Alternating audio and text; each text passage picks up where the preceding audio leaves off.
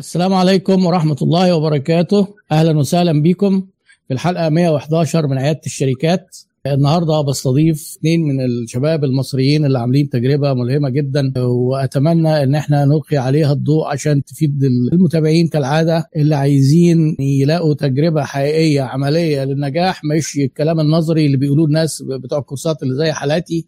لا إحنا جايبين لكم حاجة متنفذة.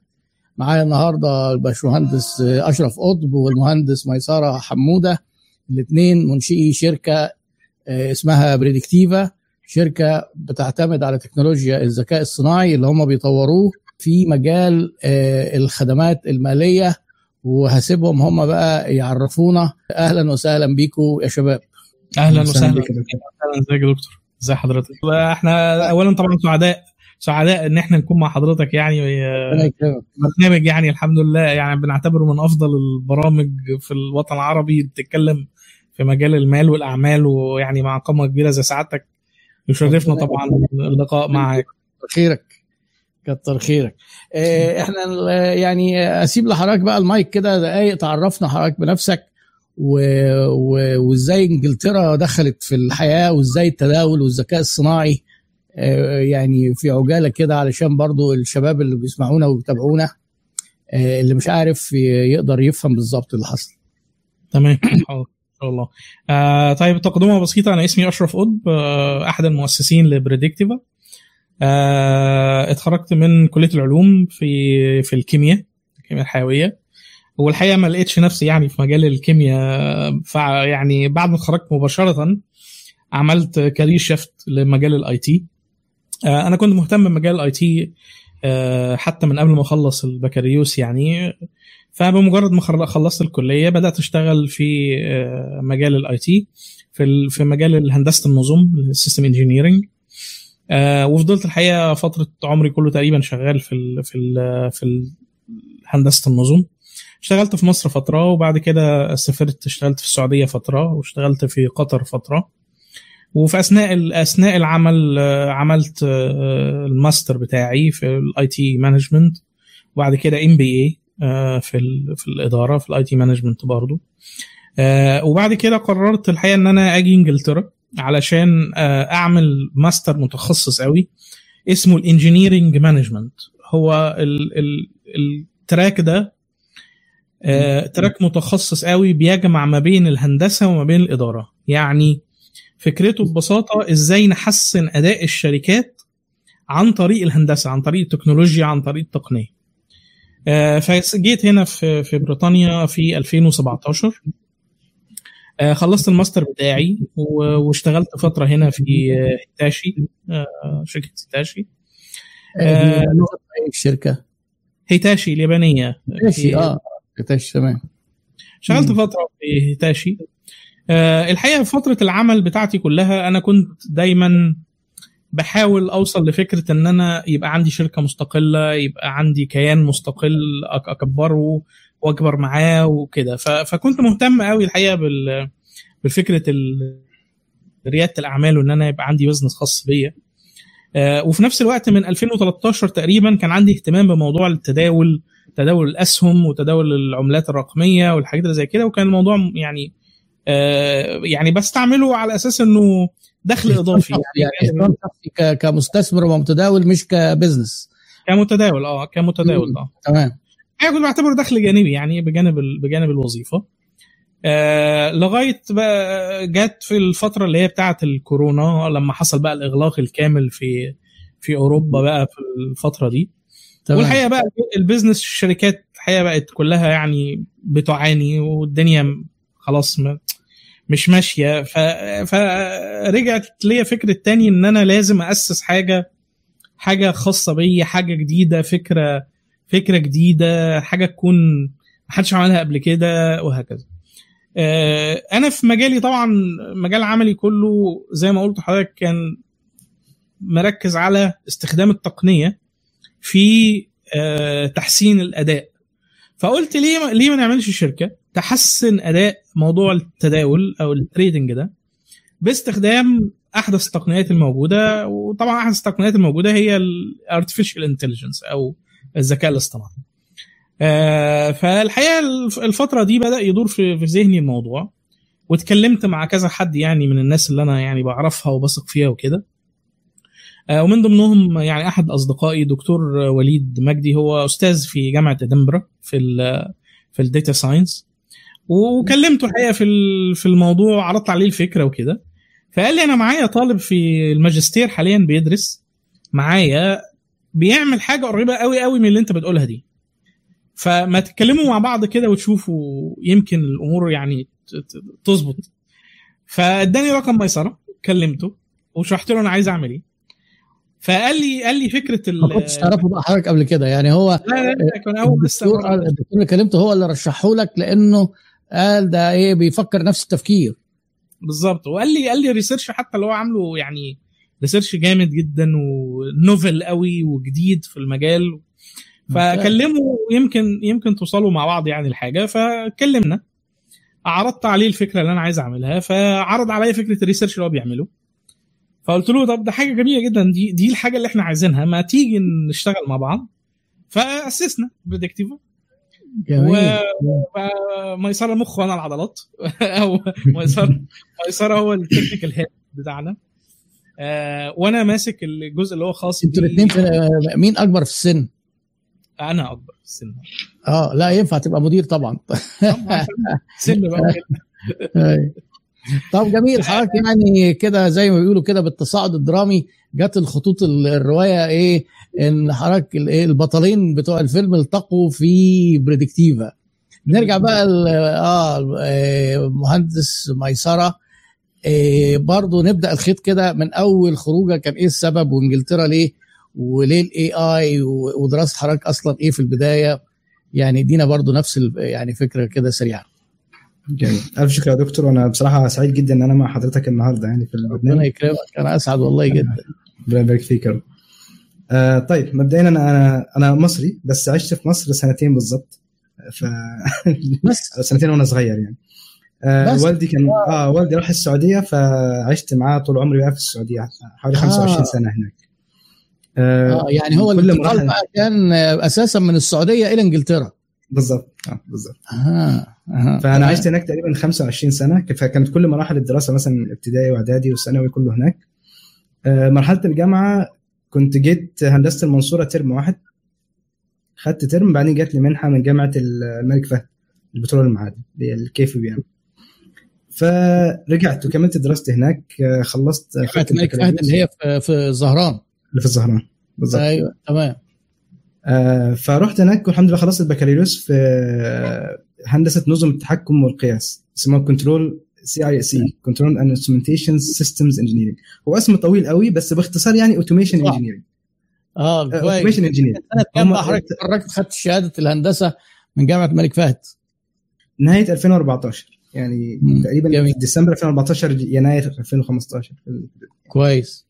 آه بعدها على طول اشتغلت في شركة في نفس مجال دراستي كانت شركة اسمها يوكوجاوا هي هي أكبر شركة في العالم في مجال ال industrial automation آه آه. دي الشركات اللي بتعمل اللي مثلا بيتعاملوا مع أرامكو مع سابك ومع شركات البترول بحيث إن إحنا نعمل لهم automation للمصنع كامل أو لبير البترول كامل بحيث إنه ما يحتاجوش أي حد يكون بيعمل حاجة مانوال جوه المصنع آه إذا في آه. أي مشكلة يطفي ما يتحرقش إذا في حاجة المهم كل الاوتوميشن اللي بيحصل في. المصانع كلها إدارة بقى إيه بيسموها ذاتية ولا آلية ولا. أوتوماتيكية آه.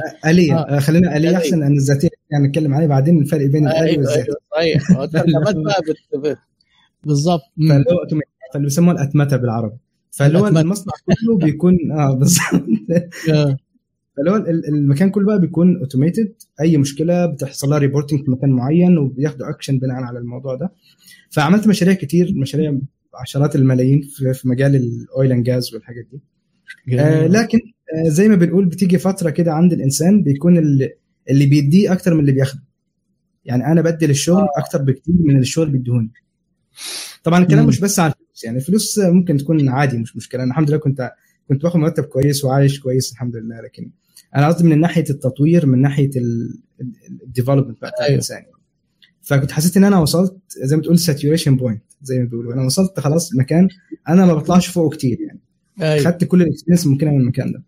كويس. في الفترة دي طبعا بقى حاولت أعمل آه، مشاريع حاولت اعمل ده بس يعني حاولت أعمل كم مشروع لكن ما حصلش نصيب لأسباب كتير يعني.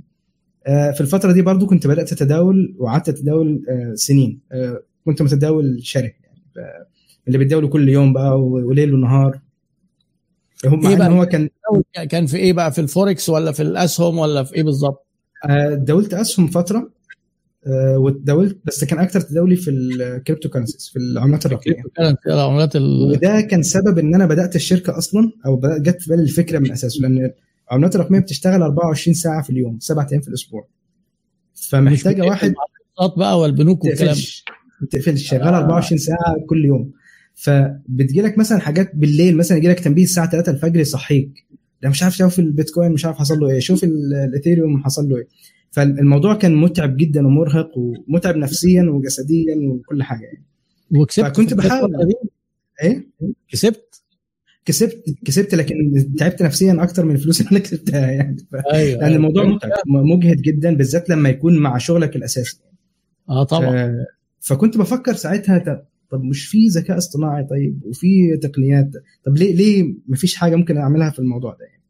بس طبعا وقتها لا كان عندي الوقت ولا السكيلز إن أنا أعمل الحاجة. دي أها. فكنت بقى بفكر في ساعه ما كنت بقى بفكر في التطوير فكرت في ال... خدت term في engineering management في جامعة الملك فهد برضو بعدين والله كنت جايب تقريبا أربعة من أربعة في ال GPA لا لا بس ده مش. مش ده اللي أنا مش دماغي دي بقى. آه، قعدت بعدها أذاكر بقى GMAT ومش عارف إيه شغل ال MBA وامتحنت GMAT وخلاص بقى هقدم بقى على الجامعات الكبيرة يعني. وبعد ما امتحنت ال GMAT قعدت مع نفسي شوية. لا مش ده برضه. مش ده أنا أنا أنا technical فأنا أنا أنا آه. رايح لل فبدأت بقى أشوف موضوع ال- الجامعات اللي بتقدم أفضل كورسات في ال AI أيوة. فكان أول جامعة عندي في ال list ه كانت جامعة ادنبرا بالنسبة للبرنامج بتاعهم ولل staff اسمها إيه؟ والكلام ده. ادنبرا إدنبرا university آه. آه بس فقدمت بقى على جامعات كتير ساعتها. إدنبرا و UCL ومانشستر وكل الجامعات اللي شفتها كويسة في المجال. الحمد لله اتقبلت تقريبا في أربعة أو خمسة منهم. يعني كان من ضمنهم UCL وكان النهائي بين UCL وإدنبرا يعني. بس في الأخير البرنامج بتاع إدنبرا كان جميل جدا لأن هو بيديك الحرية إنك تختار الحاجة اللي أنت حابب تشتغل فيها. تقريبا البرنامج 100% elective بيقول لك اختار المواد اللي انت عايزها وشكل اختيارية 100% البرنامج كلها آه تختار على آه. مزاجك واللي انت اللي حابه انت طبعا في في. تخصص الذكاء الصناعي اللي انت رايح تدرسه هو بيحدد لك مثلا 50 مادة خد من دول يعني جميل فدخلت بقى هناك وأنا رايح وأنا في دماغي موضوع ال- التداول ده اللي هو أيوة. خلاص في ذكاء اصطناعي. فكان أول حاجة عملتها كان literature review عن كل ال ال ال الأبحاث المنشورة في المجال طالما في آه. ذكاء اصطناعي وفي آه، أسواق مال ليه مش كل الناس أغنياء بقى وبتستخدم ذكاء اصطناعي وبتكسب؟ ما يجيبوا التقنية والتداول وخلاص بقى وكلنا نكسب والدنيا حلوة يعني وكده. بس آه. مجرد ما تبدأ تقرأ مجموعة أبحاث في الموضوع هتعرف إن في فجوة كبيرة جدا جدا بين المجالين بين ال technical أو أيوة. التقنيات التكنولوجيا وبين الناس اللي في ال finance الكلام ده؟ إيه؟ كان لا، كام بقى لما أنت رحت؟ 2019 آه يعني رحت بعد المهندس أشرف بسنتين تقريبا. تقريبا آه. آه. امم في 2019 بقى بدأت في الموضوع البحث. طب أول ما بدات أول ما بدأت أشوف ال- papers المنشورة والأبحاث والكلام ده عرفت إن في gap كبير. يعني الناس اللي, شغالة في الذكاء الاصطناعي بيحاولوا ياخدوا سوق الأسهم ده ويعتبروه كأنه أي data set موجود عندهم. أي دا زي ال data العادية data text ولا زي data أرقام آه. أي حاجة. بس ده مش صح. ما لازم ال- ال- ال- الذكاء الاصطناعي مش سحر. الذكاء الاصطناعي هو حاجة بتساعدك طبعا. توصل للناتج اللي أنت عايزه. فلازم يكون في. شوية حضرتك engineering بتقول ال- إيه، خلينا نستفيد يعني إيه نستغل الفرصة دي. حضرتك قلت الذكاء الصناعي مش سحر. طب إيه هو بقى الذكاء الصناعي اللي هو قالب الدنيا دلوقتي؟ معلش اعتبرها تفريعة بس أنا يعني كل لما بقابل حد عشان أنا بقالي فترة بعمل post ات على الذكاء الصناعي إيه، فاكرين إن أنا بقى إيه جهبذ من جهابذة الذكاء الصناعي اللي أنا ما بفهمش فيه أي حاجة خالص. أنا user عجبتني تجربة ذكاء صناعي اللي هو ال ChatGPT اللي هو حاجة كده ظهرت لنا أعتقد إن هي يعني جزء من قمة جبل الجليد. الجبل الجليد ده فيه إيه؟ الذكاء الصناعي ده عبارة عن إيه؟ اللي مخلي ناس مرعوبين منه وناس بيهاجموه وناس معتبرينه مؤامرة وناس منبهرين وناس حابين و... إيه بقى الحكاية دي. أصلا؟ طيب أنا ممكن أقول لك باختصار هو الذكاء الاصطناعي عبارة عن خوارزميات أو عبارة عن كود معين بيحاول ي- ي- يقلد طريقة تفكير البشر لكن بيحاول برضو يشيل كل العيوب اللي موجودة عند البشر يعني شوف كده مثلا إيه العيوب اللي موجودة عند البشر وإيه المميزات اللي موجودة عندهم فمثلا إحنا بن بنفكر بطريقة منطقية مثلا بنحاول نعالج الأرقام ون ونجيب ال- ال- العلاقات بين الحاجات اللي بنشوفها وبناء عليها بنبني آه، يعني ديسيجن معين يعني. أيوه لكن في نفس الوقت إحنا عندنا عيوب كتير عندنا مثلا إحنا بنتعب بنبقى أحيانا عاطفيين. emotional بنكتئب آه. آه كل الحاجات دي. فاحنا إزاي؟ أو مثلا برضو موضوع موضوع ال emotional بالذات في ال trading إن إزاي تبقى عاطفي في ال trading آه. في التداول. مثلا شفت السوق طالع. آه يلا حلو بقى نخش بقى دلوقتي السوق كله طالع. وهيكمل بقى. أو السوق آه. نازل يلا نبيع بقى عشان لا كل دي كل دي حاجات مش حقيقية يعني. ف فميزة ال... ميزة ال AI إنه بيحاول ياخد نفس طريقة تفكير الإنسان لكن في نفس الوقت بيشيل كل العيوب دي. هو بيتعامل مع حقائق مع أرقام بس هو ما, ما يفهمش آه. بقى يعني إيه الدنيا طيب مش كويسة اسمح لي أقطعك تاني. واسمح لي بقى إيه يعني أنا مش هستسمح بقى في المقاطعة بعد كده أنا من حقي أقطع. إيه هل هو الذكاء الصناعي بياخد الميزات وبيسيب العيوب منها العواطف والإيموشنز ولا هو ما عندوش قدرة على إن هو يكون عنده هذه العواطف؟ لأن من ضمن الانتقادات اللي بتقال على الذكاء الصناعي إن هو إحنا عايزين ال ال ال هو الصناعي ده يبقى زي البني آدم ده هو مستحيل يبقى زي البني آدم لأن ده ما عندوش عواطف وإحنا عندنا عواطف فإحنا أجدع وهو عنده ثغرة جامدة جدا مش هيعرف يفهمنا ولا نفهمه لأن إحنا إحنا عندنا عواطف هو ما عندوش. هل هي كده ولا كده؟ طيب إحنا لازم أول حاجة أول ما نتكلم عن الذكاء الصناعي نقول حتى الآن. هو حتى, حتى الآن. ما فيش عواطف. دي أيوه. حتى الآن هو غير قادر إن هو يبقى عنده عواطف. أيوه. لكن في ناس بتحاول تعمل حاجات في المجال ده لكن لسه ما فيش يعني صعب صعب وممكن يكون مستحيل أيوة. لكن هو السؤال السؤال برضو هل إحنا عايزين العواطف دي ولا لأ؟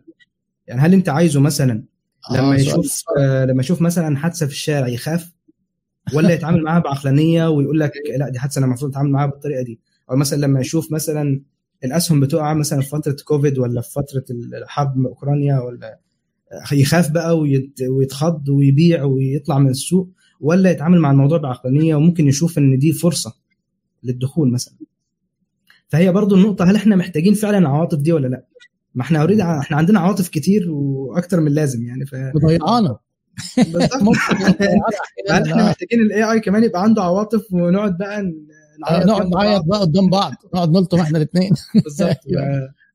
تمام جميل. دي دي النقطه بقى لو رجعنا آه. إحنا بنتكلم في إيه آه فبعد الأبحاث نقطه إن هو الذكاء الصناعي نقدر نشغله بشكل فيه ميزات التفكير البشري ونتخلص من العيوب اللي هي ال- ال- البشرية بالظبط طبعا ده تعريف مش أكاديمي أي حد أكاديمي يا ريت يا جماعة ما ما يزعلش. من التعريف. ده يعني ليه؟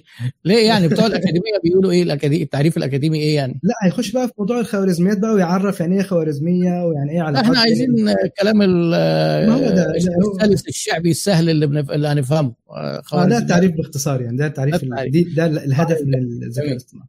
فالمهم بدأت في جامعة ادنبرا في إيه في موضوع ال- ال- الماستر في الذكاء الصناعي وهنا انت كان في ذهنك الفجوة بصفتك متداول سابق ومهتم بالذكاء الصناعي انك. وعلى فكرة معظم ال- التفكير الإبداعي بيجي من من ربط خبرات وأشياء ببعض فبيبقى معظم الحاجات الإبداعية اللي زي كده إن يبقى واحد جاي بعين كده آه، آه، وجهة نظر مختلفة آه، بتوع الذكاء الصناعي بيبصوا زي ما حضرتك بتقول كده على معلومات التداول على إنها مجرد معلومات لكن هو عشان جاي من خلفية التداول عايز يستفيد ويطلع من آه، الذكاء الصناعي أداة آه، أو أو أدوات تساعد المتداولين آه، ونستفيد من ال- آه، المهارات الجامدة بتاعت الكمبيوتر في إنه ياخد القرارات. فبدأت حضرتك في مشروع آه، في, في, في موضوع البحث بتاع حضرتك آه فبعد ما عملت البحث آه عملت البحث المبدئي بقى وعرفت فين الفجوات وفين إيه التقنيات أصلا المستخدمة في المجال إيه الكويس وإيه الوحش ده ليه نجح وده ليه ما نجحش والكلام ده كله.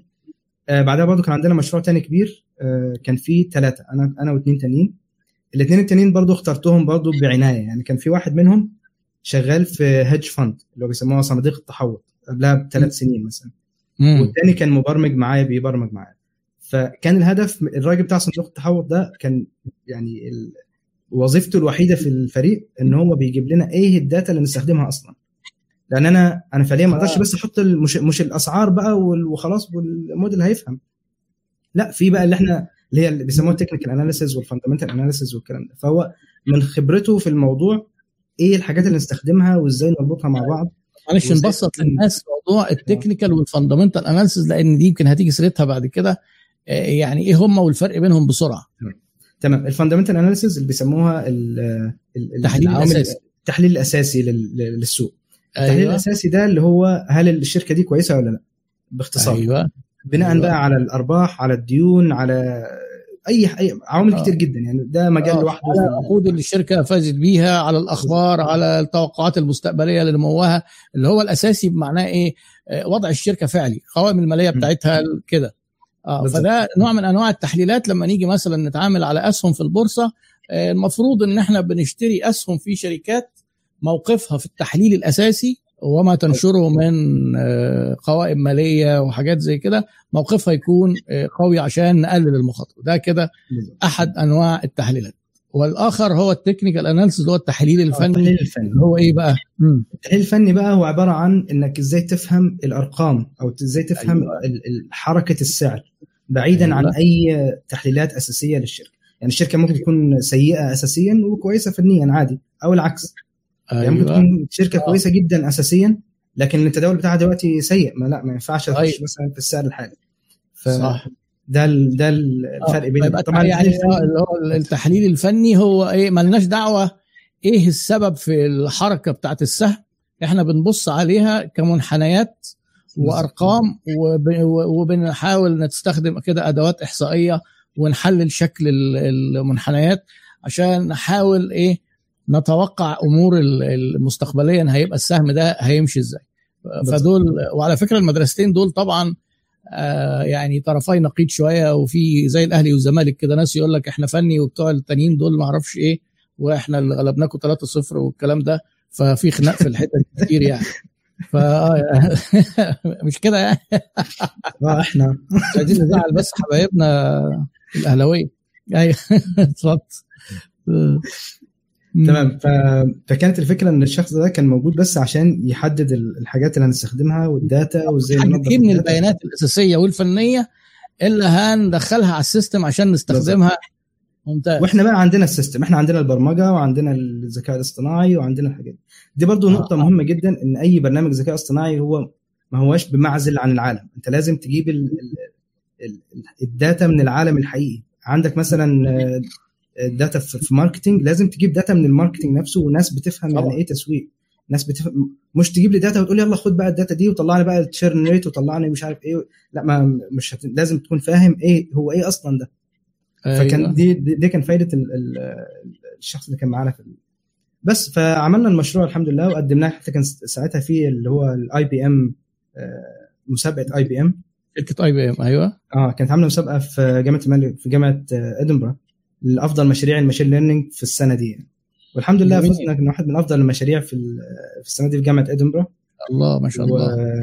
وحتى ده كان ممكن من الأسباب اللي في خلتنا بعدين نتعلم. في مصريين تانيين معاك ولا أنت كنت حضرتك المصري الوحيد في ده؟ لا كنت أنا المصري الوحيد للأسف يعني. في, في آه. تخصص الذكاء الاصطناعي. كان في مصريين بقى في في تخصصات تانية لكن الذكاء الاصطناعي ما كانش معايا حد. ممتاز. آه. بس بدانا خلاص. فكده الحمد لله عرفت عرفت إن ال- الفكرة كويسة يعني.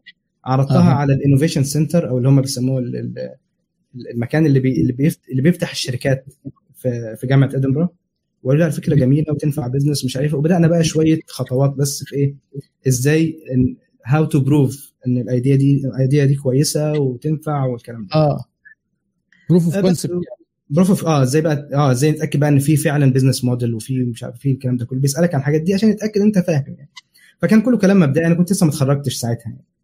آه بس في آه كنت لسه في الماستر آه. آه فكنت في يوم كنت مع الدكتور وليد مجدي اللي اشرف كلمنا عنه آه الوسيط بقى اللي هو إيه الوسيط. بعض لا آه. راجل آه، ربنا يديه الصحة والعافية يعني ما شاء الله كنت معاه في يوم بعد كنت أنا كنت طالب عنده في واحد من الكورسات وبرضه كنا خدنا جائزه أفضل مشروع عنده في الكورس بتاعه ف...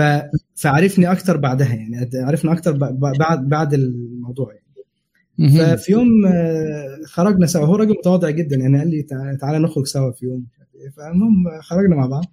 حكيت له بقى عن موضوع الشركة والتداول والكلام ده كله. كانت مجرد فكرة لسه في بالك ما كانش في شركة. آه هي فكرة ما كانش في شركة لا إحنا أنا فكرة. بس كنت كلمت جامعة جامعة إدنبرا بس عشان موضوع الفيزا بقى بعدين والكلام ده يعني. هم بيساعدوا في الحاجات دي.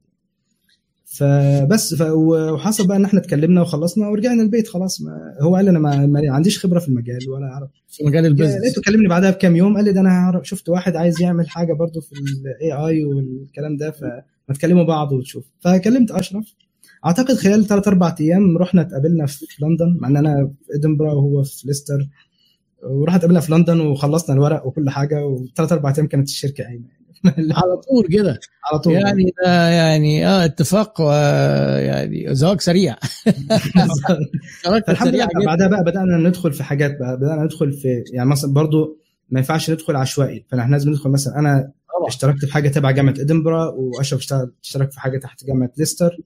وبدأنا نحضر هنا وهنا ونشوف الناس رأيها إيه نشوف برضو ال feedback بتاع الناس نشوف العلاقات مع الناس. بحيث إن إحنا نتأكد إن الفكرة دي فعلا هتتباع يعني لو فعلا لو طلعناها أيوه. للواقع الفكرة هتتباع ولا لأ؟ فبدانا آه. بقى نتكلم حرفيا كنا بنتكلم مع أي حد يعني يعني أنا مثلا أشرف كل واحد فينا كان عنده مثلا ثلاثة أربعة meetings كل يوم. مع ناس بقى من أي حاجة ناس من financial ناس من technical ناس من من الناس عاديين أي حد عنده اهتمام بالموضوع. نلتقط الخيط هنا ونرجع بقى المهندس أشرف. مين أهم ناس أنت كراجل business وكنت وقتها تقريبا واخد MBA وبقى عايز تحول الموضوع بقى ال business و business model وازاي ال- اللي هو ال profit equation هنجيب فلوس منين وهنصرفها فين وهنكسب إزاي وامتى. آه. وانت بتدرس الموضوع ده اهتميت تقابل مين؟ أو يعني علشان برضو الناس في ساعات آه، كتير جدا بيعجبوا وبينبهروا بالفكرة وما بيتعبوش ويعملوا هوم ورك إن هم حتى يدرسوها ويسألوا ويشوفوا. فيا ريت حضرتك توضح لنا برضو الجزئية دي لأنها مهمة جدا. دي الحقيقة دي واحدة من الأخطاء الشائعة في تأسيس الشركات اللي آه. هو بيسموها إيه آه، حين يقع رائد الأعمال في غرام فكرته. أيوه. ويقع في غرام الفكرة ويحبها آه. قوي ويبقى كده وما- ما- وما ياخدش فيدباك من أي حد. آه بالظبط. المجال. وبعدين بعد شوية يفاجئ إنه لا الدنيا مش زي ما أنا كنت متخيل. أيوه. فإحنا الحقيقة في الفترة دي قعدنا حوالي ثلاث أو أربع شهور بنقابل ناس بنكلم ناس آه، من شركات متخصصة في موضوع ال- التداول وال investment management والحاجات اللي زي كده. تمام؟ آه، آه، بما في ذلك الحمد لله يعني برضو دي حاجة مهمة لازم الناس تاخد بالها منها إنه ال connections بتاعت الواحد أو شبكة العلاقات بتاعته مهمة جدا جدا إنها توصلك بناس في المجال. كويس. جدا. امم فبدأنا الحقيقة نكلم بقى ناس عن طريق connections عن طريق برامج عن طريق حاجات تبع الجامعة وهكذا. وبدأنا نتكلم بقى مع ناس في ال core business بتاع ال investment بدأنا آه. نتكلم مع ناس من شركات كبيرة مثلا زي جولدمان ساكس زي جي بي مورجان زي مورجان آه. ستانلي زي باركليز زي سيتي بانك آه زي حضرتك بتتكلم عن أكبر أسماء في العالم في ال يعني الأنشطة الم... أسواق المال والخدمات بالظبط. المالية والحاجات اللي زي كده وده كان. سهل إنك توصل لهم وتتكلم معاهم هو الحقيقة ما كانش سهل يعني بس الحمد لله ال connections يعني اللي الواحد عملها خلال فترة عمله فادت بالإضافة إلى البرامج اللي هي موجودة يعني في بعض البرامج حكومية هنا وبرامج تبع الجامعة فيها زي آه، بيسموها mentor networks اللي هي شبكات آه. ال mentorship عن طريقها توصل لناس من مجالات مختلفة أو بتطلب مثلا إن أنت تقابل ناس في المجال الفلاني أو في الحاجة الفلانية. فلقينا فلقينا الحقيقة ناس من الشركات الأسماء الكبيرة دي موجودين في ال networks دي. آه، وناس منهم مثلا زي آه، مثلا ال- اللي قابلناه من سيتي بانك مثلا. إحنا كنا عارفينه من لينكد ان من على ال networks بتاعتنا مثلا. أيوه. آه كده. وبدانا نتكلم الناس الحقيقة دي ونقول لهم نسأل هو أنتوا بتعملوا إيه دلوقتي؟ آه. إيه ال pain points اللي عندكم أو المشاكل الموجودة؟ جميل. إنك تعرف إزاي إزاي شايفين؟ اللي هيبقوا في المستقبل دول المفروض عملائكم. بالظبط كده. بالظبط. إيه إيه الحاجات اللي أنت شايفها اللي ممكن إحنا يعني إيه إيه إيه أول قصور الموجودة في ال market اللي أنت تتمنى إنها موجودة وتغطي أوجه القصور دي؟ آه، إيه مجالات ال research اللي أنت مهتم بيها دلوقتي؟ آه، هل عندكم مثلا AI بتستخدموا AI في ال- في التداول؟ طب بتستخدموه إزاي؟ آه، طبعا هم كانوا بيدونا معلومات طبعا آه، لغاية حد معين طبعا لأنه ما يقدرش يقول كل التفاصيل. طبعا. لكن لكن الحمد لله المعلومات دي كانت كافية جدا لنا نعرف يعني آه، من كلامنا مع كل الشركات اللي إحنا اتكلمنا معاهم ما لقيناش حد خالص بيعمل اللي إحنا بنعمله أو الفكرة اللي عندنا. في بعض الشركات منهم الكبيرة طبعا بتستخدم ماشين ليرنينج طبعا بتستخدم ذكاء اصطناعي لكن بيستخدموا حاجات مش مش اللي إحنا بنستخدمها حاجات أقل شوية وما فيهاش الذكاء اللي إحنا بنحاول نحطه في ال models بتاعتنا. حلو جدا. يعني يعني بي- ال models اللي هم بيستخدموها بتديهم بعض ال insights يعني بتديهم بعض ال... أيوه. بعض ال information لكن القرار في الآخر بيرجع لشخص بني آدم هو اللي قاعد بياخد القرار في الآخر. أبيع أشتري أعمل إيه أدخل أخرج. في الآخر القرار بتاع واحد بشري. يعني قرار إنسان بشري مش قرار الذكاء الصناعي. مش automated طبعا. طب هل هم ابدوا اهتمام بالطريقة بتاعة تفكيركم وال... والطريق اللي أنتم ماشيين فيه في ال... في البحث والكلام ده؟ الحقيقة ال feedback كان جامد جدا يعني الحقيقة كان هايل. آه. لدرجة إنه يعني واحد vice president يعني من واحد من الشركات الكبيرة دي.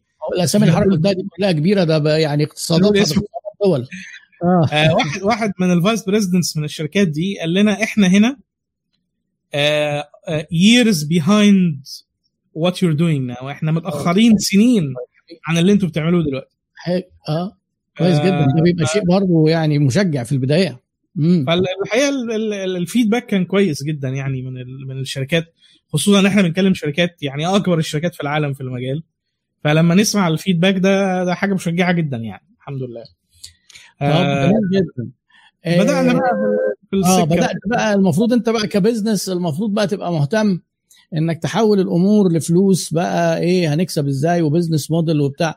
إيه ال business model اللي أنتوا بنيتوه أو تخيلتوا إن الشركة هتكون آه، تنجح إنها تطبقه أو تنفذه يعني؟ إيه ال- إيه إيه نوع الإيرادات والخدمات وال يعني هتعملوا إيه بشوية تفصيل. يعني إيه الخدمات اللي فعلا بتقدموها؟ اتفضل. آه، إحنا إحنا إحنا حاليا آه، وصلنا إن إحنا عندنا منتجين بيستخدموا آه، نفس ال نفس ال algorithms أو نفس التكنولوجي في التداول. عندنا المنتج الأولاني اللي هو اسمه انفستيفا وده منتج business to business يعني مخصص لاستخدام الشركات أو المستثمرين الكبار يعني استثماراتهم كبيرة شوية. آه، وده مخصص لتداول الأسهم في آه، الاسواق التداول الأسهم. وده إحنا بن ال business model بتاعه إن إحنا بنرخصه للشركات. بنرخصه لشركة ثانية بتتداول هي بيه في آه. في اسواق المال. يعني قصد حضرتك إن هو business to business أنتوا كشركة بتبيعوه لشركة الشركة دي هي بتدير استثمارات آه، ممكن نفسها أو استثمارات آه، عملائها فأنتوا هتساعدوها بالذكاء الصناعي إن هم آه، ينموا أرباحهم عن طريق إن الذكاء الصناعي ياخد بقى قرارات في البيع والشراء والحاجات دي أو يعني إيه هندخل في التفاصيل إن هو للشركات اللي بتدير محافظ استثمارية أو بتدير استثمارات. ده اللي هو ده أول حاجة وحضرتك بتقول مسميينها إنفستيفا. هي الشركة اسمها بريدكتيفا. فدي انفستيفا برضه. جميل. انفستيفا ده لل- لل stock market؟ زي ما آه للناس آه الشركات مديرين. مديرين المحافظ ومستثمرين. أيوة. آه، ده ده المنتج الأولاني. المنتج الثاني اسمه كريبتيفا. آه، كريبتيفا زي ما هو يعني يمكن باين من اسمه هو لل cryptocurrency. currency. آه العملات المشفرة ولا بيسموها الرقميه ولا؟ آه العملات الرقمية المشفرة. بنستخدم فيه تقريبا نفس التكنولوجيا اللي إحنا بنستخدمها في انفستيفا نفس ال نفس ال algorithms آه لكن في شوية tools إضافية كمان حطيناها في ال في ال platform للناس المتداولين اللي هم بيستخدموا آه بتداول العملات الرقمية. آه علشان تساعدهم يقللوا ال risk أو يقللوا المخاطر بتاعة التداول في الأسواق الأسواق العملات الرقمية عن طريق إن هو بيساعدهم في إدارة المحافظ بتاعتهم إن هم يدخلوا بسرعة يخرجوا بسرعة يعملوا rebuild لل portfolio بتاعهم بشكل سريع آه، يتفادوا آه، مثلا risks معينة في ال market. إحنا ال platform كله مبني علشان يساعد الناس تقلل المخاطر بتاعة التداول في سوق العملات الرقمية. في سوق العملات الرقمية. وده طيب. كريبتو ده, ده متاح للمستس... لل... يعني المستخدمين العاديين. ده business to consumer ده موضوع مثير للاهتمام ومليان أسئلة هنا كتير جدا. بس يمكن معظمها بقى فنيات هروح بيها ال- المهندس ميسرة. بس الأول أنا عندي لحضرتك سؤال. العملات الرقمية المشفرة محل جدل شديد جدا من الناحية الشرعية والقانونية والبعض يتهم يتهم العملات دي بأنها مجرد مؤامرة و- وفقاعة كده هياخدوا فلوسنا وهيخربوا بيوتنا وحرام وهيدخلونا السجن وهيودونا النار. يعني الحكاية دي إزاي؟ وأنا أعتقد آه، إن حضرتك يعني أكيد أكيد فكرت في الموضوع ده كويس من أول ما كنت أنت آه، متداول حتى قبل ما ما تفكر في- بريدكتيفا فيا ريت نتكلم عن الحكاية دي لأن يعني آه، لأن دي كده العصب اللي مبني عليه الشركة تمام. آه، طيب هو بالنسبة آه، خلينا نتكلم من من من وجهة نظر استثمارية ومن أيوة. وجهة نظر شرعية. تمام؟ أيوه. طيب آه، آه، خلينا برضو نفرق بين حاجتين بين تكنولوجيا البلوك تشين كتكنولوجيا وبين العملات الرقمية كأحد تطبيقات التكنولوجيا دي. تمام؟ أيوه. طبعا هو ما فيش خلاف بين كل المختصين في العالم إنه تكنولوجيا البلوك تشين نفسها تكنولوجيا جميلة جدا وجيدة جدا وفيها يعني كفاءة عالية جدا في إدارة العمليات. ممكن نبسط تشين برضه للي بيسمعونا وهم بيسمعوا الكلمة و- ومش عارفين هي معناها إيه وبيني وبينك بس ما تقولش لحد وأنا واحد منهم. طيب حاضر.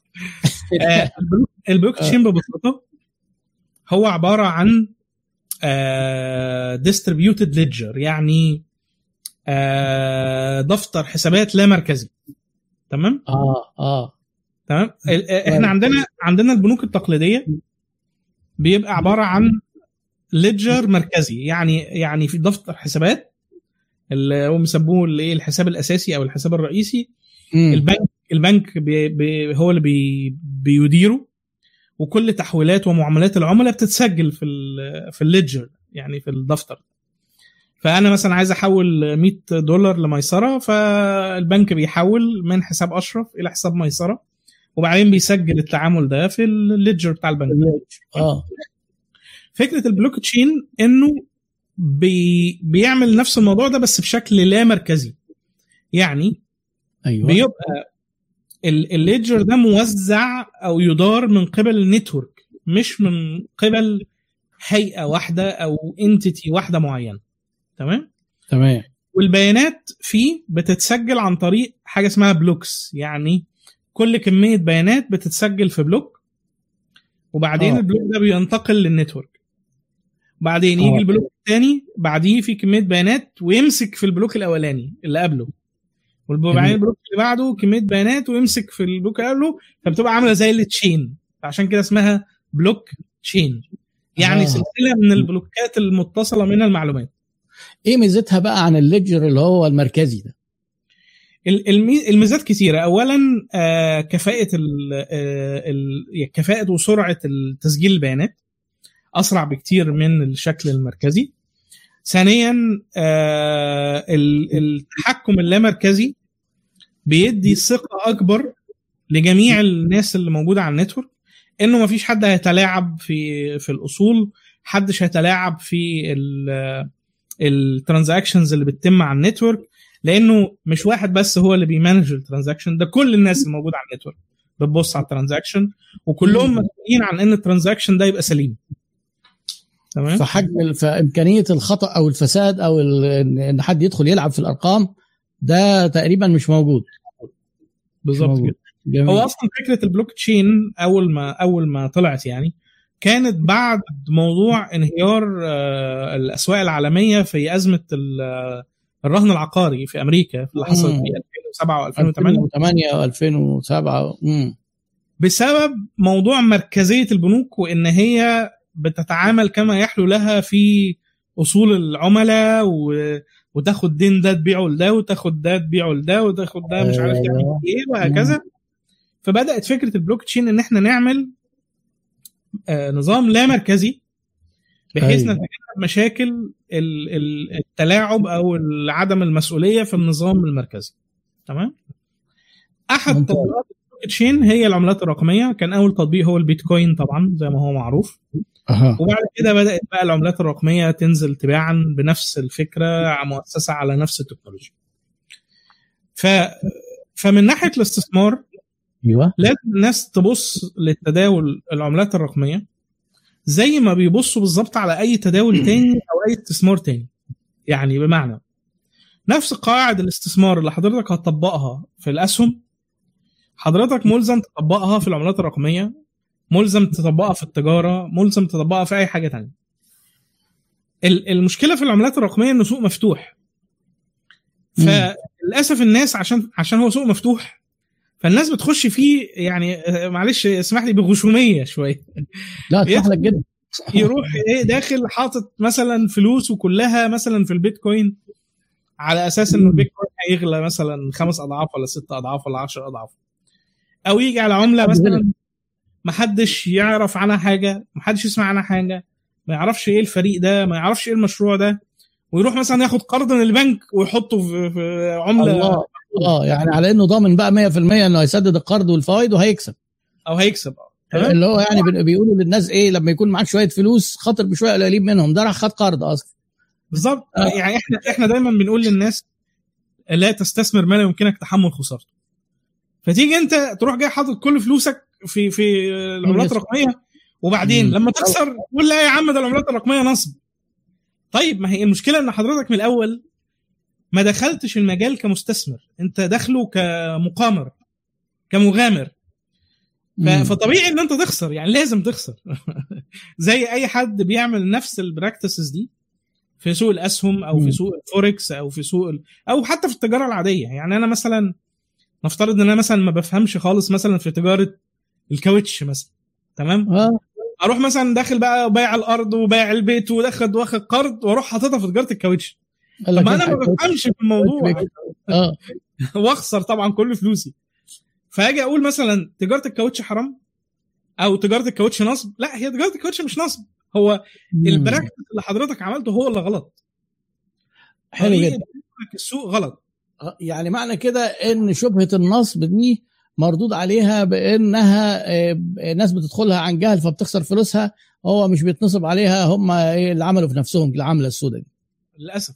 للأسف. أنا. شفت طيب، حقيقة حلو. يعني أنا شفت حقيقة أمثلة كتير يعني يعني لو حكيتها الناس هتعيط الصراحة. لا كتير. على فكرة بتتشابه جدا يعني إذا كان حضرتك بتقول الكلام ده أنا بقالي في في عمري أكتر من 30 سنة بشوف بالظبط اللي حضرتك بتقوله ده. ناس تاخد فلوسها وفلوس قرايبها وبتاع وإيه ويلا وهنفتح بيزنس وهنكسب وبيطير كل الفلوس.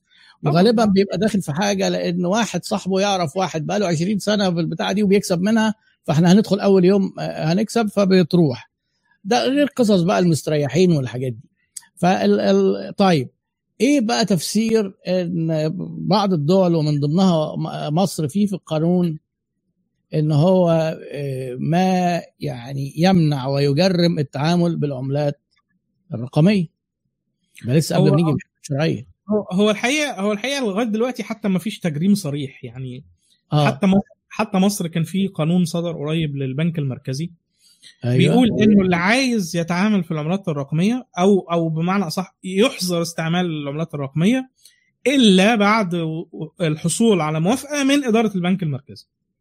فهو المشكلة المشكلة آه. مش في عدم قانونيتها هي المشكلة إن بعض الدول ما عندهاش governance ما عندهاش حوكمة حكام على أيوة. موضوع العملات الرقمية. فعلشان ما فيش إطار حوكمة للموضوع فيقول لك إيه لأ خلاص امنع لغاية ما يبقى في عندنا إطار حوكمة نقدر نشوف بيه الترانزاكشنز دي.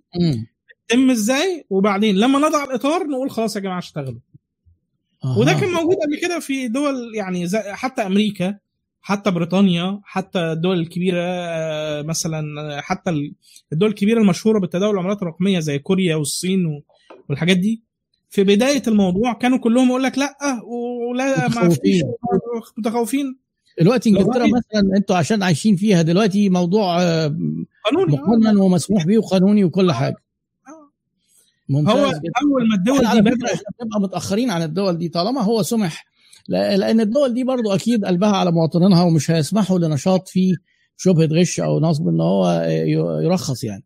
طبعا. فيبقى اذا هو آه، بدون الحصول على ترخيص وعلى فكرة ده يسعى على انشطه كتير. يعني أنت ما تقدرش تفتح مركز تدريب من غير ترخيص مستشفى من غير ترخيص تمارس أعمال البنوك شركات التأمين. يعني دي كلها تعتبر جرائم يعني واللي بيعمل الكلام ده آه، ما هو زي توظيف الأموال زي اللي بيقبضوا عليهم في تجارة العملة. ما ينفعش تغير عملة بدون ما تبقى مرخص ليك يا إما آه، شركة اللي هي صرافة صرافة أو تبقى تبع بنك أو حاجة. فيعني اذا هو الموضوع كلمة الترخيص دي ولسه بيتبني في دول العالم الثالث اللي زينا آه، آه، بيتبني لها زي في مصر مثلا بيئة قانونية بس في دول سبقتنا في في ال- في الشرق الأوسط. البحرين مثلا آه، الموضوع دلوقتي بقى آه، خلاص قانوني و- ومحوكم آه، دبي دلوقتي برضو شغالة في الموضوع اولموست خلص. السعودية ت- تسير وراءهم. آه، يعني هو الموضوع كله أصله هل من افتى اتفضل. التكنولوجيا التكنولوجيا قوية آه. وليها مميزات كتير. فلازم الدول في الآخر هتتعود إن هي خلاص تفتح الموضوع. بس زي ما قلت لحضرتك هو الموضوع محتاج إطار من الحوكمة بس علشان أو كده. الدول تطمن إن الدنيا تمام. وحتة التحريم دي تعليقك عليها إيه؟ طيب حتة التحريم دي طبعا أنا بدأت أبحث فيها من أول ما بدأت اتداول في العملات الرقمية أصلا. يعني طبعا. مش هتداول حاجة حرام أنا شخصيا يعني تمام؟ تمام. فالحقيقة يعني في رأيين في الموضوع. الرأي الأول اللي بيقولوا إنه حرام والرأي الثاني بيقولوا إنها مش حرام. والرأيين فيهم مشايخ وباحثين في الاقتصاد الإسلامي وأبحاث مقدمة في المجمعات الفقهية الإسلامية و- وبعضها يعني شاركنا الحقيقة بعض الأبحاث دي قبل كده. الخلاف الرئيسي في الموضوع هو هل يمكن اعتبار العملات الرقمية مال ولا لأ؟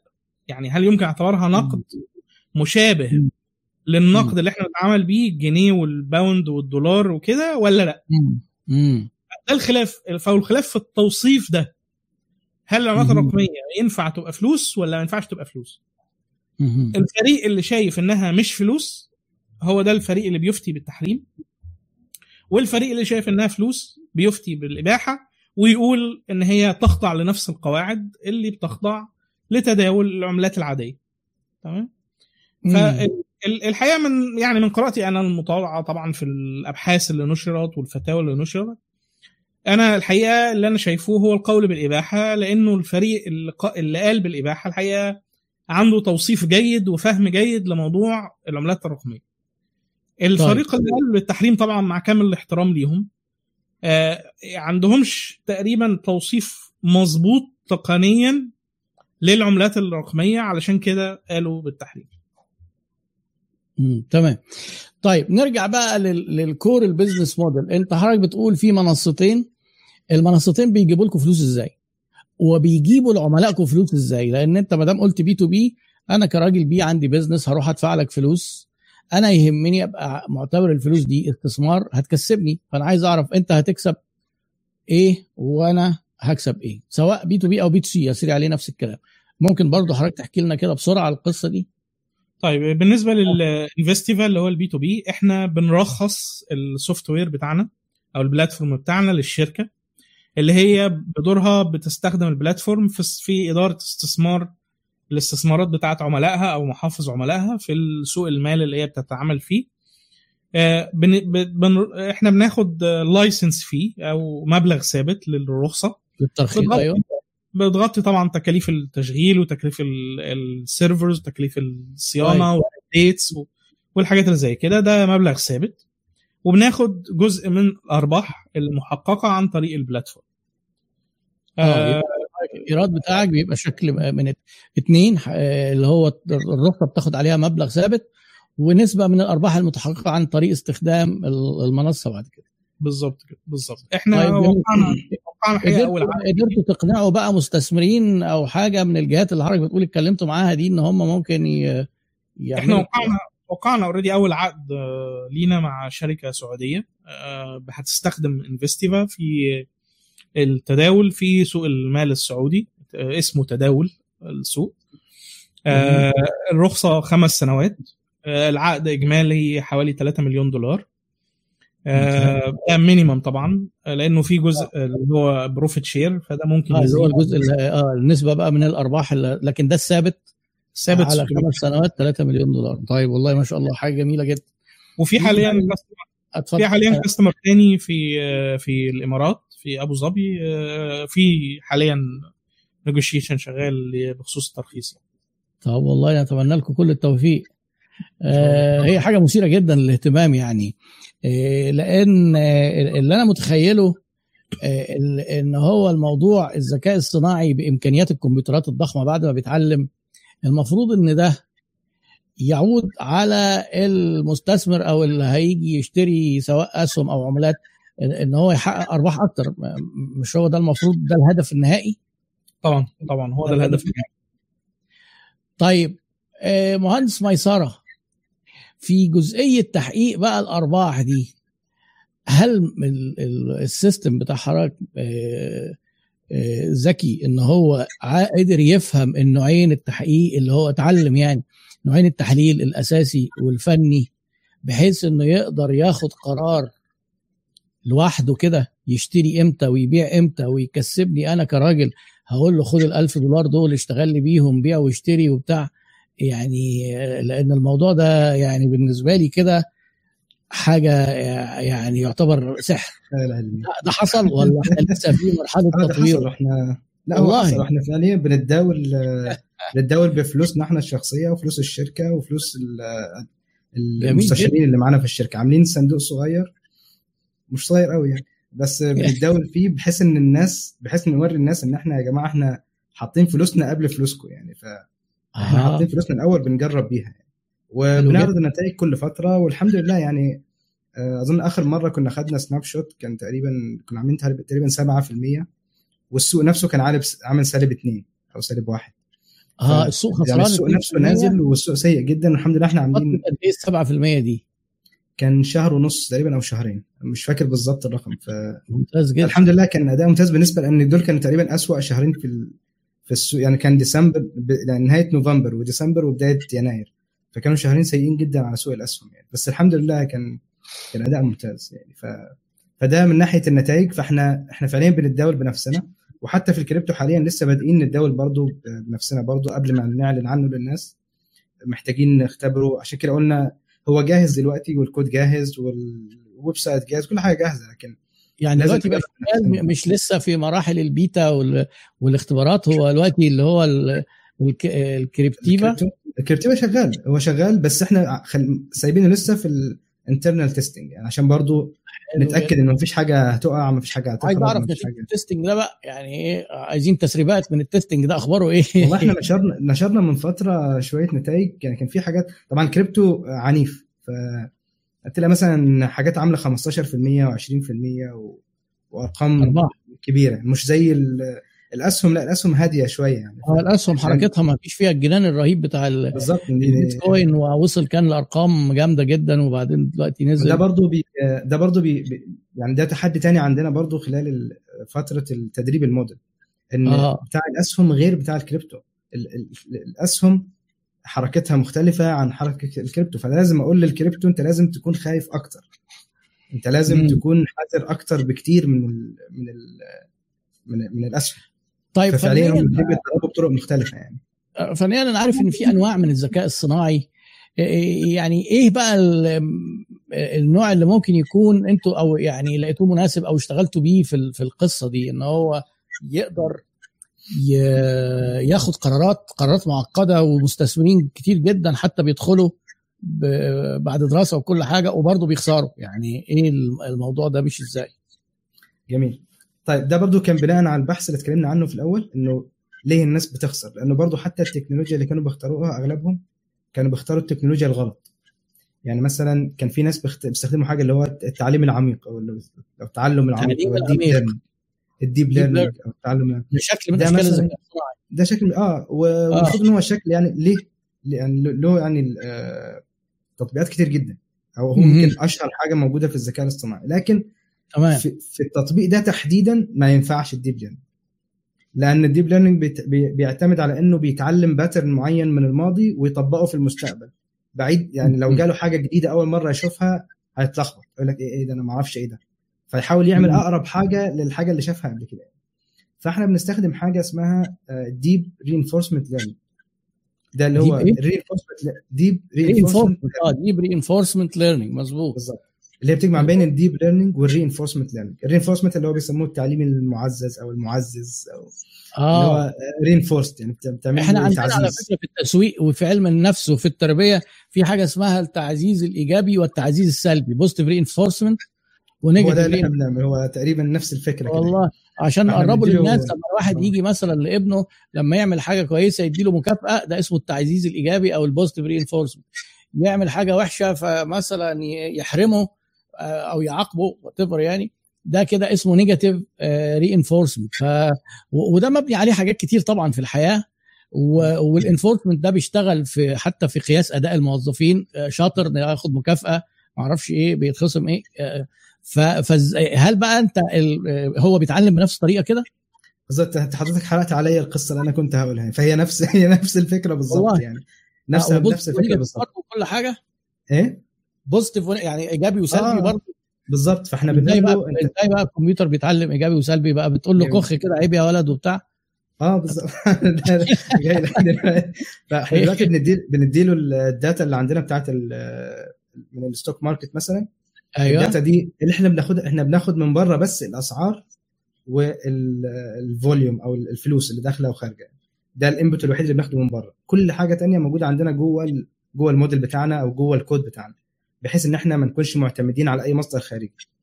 فالمهم بعد ما بياخد بقى ال- ال- الكود ده بينظف ال data ويظبطها ويعمل بقى ال technical analysis وال fundamental analysis وكل الكلام ده. كل ال data دي بتدخل بعد كده لل reinforcement learning أو ال deep reinforcement learning model ساعتها بقى ال- الموديل في حاجة بي- بنديله حاجة اسمها ال objective function أو ال reward function آه. ال reward function اللي هي ال- هو الهدف الجايزة اللي هياخدها. هي زي المكافأة والجائزه أيوه. بالظبط. فهو الجائزه اللي هي زي التعزيز الإيجابي كده بالظبط اللي هي إحنا بنسميها برضه positive reinforcement و negative reinforcement آه حلو جدا آه فهو بيبدأ يعمل إيه بقى؟ بيبدأ ياخد ال data دي ويعمل ملايين التداولات يعني ملايين بتوصل حتى. عشرات الملايين مئات الملايين آه. آه. بيبدأ يقعد له مثلا يومين كده أو يوم قاعد مع نفسه يتداول يعني ف...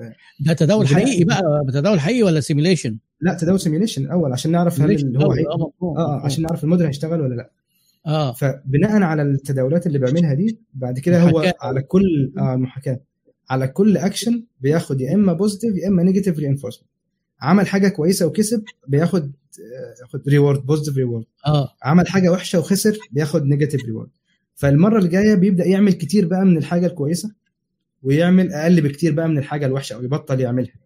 آه يعني معنى كده مع تتدخل إنك تقول له آه، كده وحش وكده كويس. انت قايل له ان انت لما تكسب انت كده إيه امور. انت ده لما الحاجة تخسر الوحيدة اللي يبقى بديها. بالظبط. دي الحاجة الوحيدة اللي أنا بقول له عليها إن المكسب حلو والخسارة وحشة. وأنت بقى آه خش اتعلم. بقى يعلم نفسه بنفسه. بالظبط. لأن أنا عارف يعني إن في أنواع من الذكاء الصناعي بيتدخل human يقول له لأ كده غلط صح حسن. آه، آه مش كده؟ دي بقى آه دي بقى ده ده, ده نوع تاني ده ده النوع اللي بيحصل فيه الغلط بقى اللي هو أنا أنا لو اتدخلت في ال... أنا لو اتدخلت في ال decision بتاعت الموديل معناها إن أنا شايف إن أنا أحسن منه. أو إن أنا عندي حاجة هو ما يقدرش يعملها. غلط يعني هو فعلا هو ممكن يبقى أحسن من البني آدم؟ ممكن. مين؟ ال- الموديل؟ لا هو أحسن من البني آدم أكيد. فده AI أحسن من البني آدم أكيد. في التداول أكيد يعني ف بكتير. آه. يعني اللي إحنا عملناه.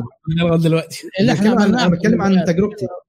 طبعا برضو لما أقول AI في ناس بتقول لك لا ما ال AI بيخسر. أنا بتكلم عن اللي عندي. أنا ماليش دعوة بالتاني اللي بيخسر أو التاني اللي عامله آه. غلط. أصل ده مش gener مش generic name أنا بتكلم عن الحاجة اللي أنا بعملها. فهو بقى بيبدأ يتعلم. وبعد بديله أيوة. ال reward طبعا ال reward أنا أنا بقولها ببساطة. يعني إن هو ربح أو خسارة. طبعا إحنا ب- ال reward عندنا بتبقى أعمق بكتير من كده. يعني مثلا إنك تكسب ده كويس. إنك ما تخسرش أو إنه إنه ما تدخلش في مكان غلط. ما تدخلش آه. في مكان بحيث السعر ينزل ويطلع تاني. دي برضو مشكلة. يعني ما أنت أنا ما أنت لو دخلت في مكان غلط أنت ممكن بنحاول نبسط الأمور أنا متأكد طبعا إن. هو أنا بقول لك موضوع يعني هو- موضوع في حاجات كتير. بس كويس إن إحنا آه. نعرف نبسطه للمستوى اللي ممكن الناس تبقى متابعة معانا آه إن إزاي يعني إيه ذكاء صناعي وإزاي يتعلم ويعلم نفسه وإزاي يبدأ ياخد قرارات يعني أنت. حضرتك عندك السيستم بيسوق نفسه بنفسه هو فعلا بيشتري وبيبيع وكده آه بالظبط فهو بقى يعني بعد أنا كراجل هشترك على المنصة أحط الفلوس وهو يقعد يشتري ويبيع والمطلوب إن أنا يحقق لي ربح بالظبط بس. انت حضرتك مش تعمل أي حاجة خالص.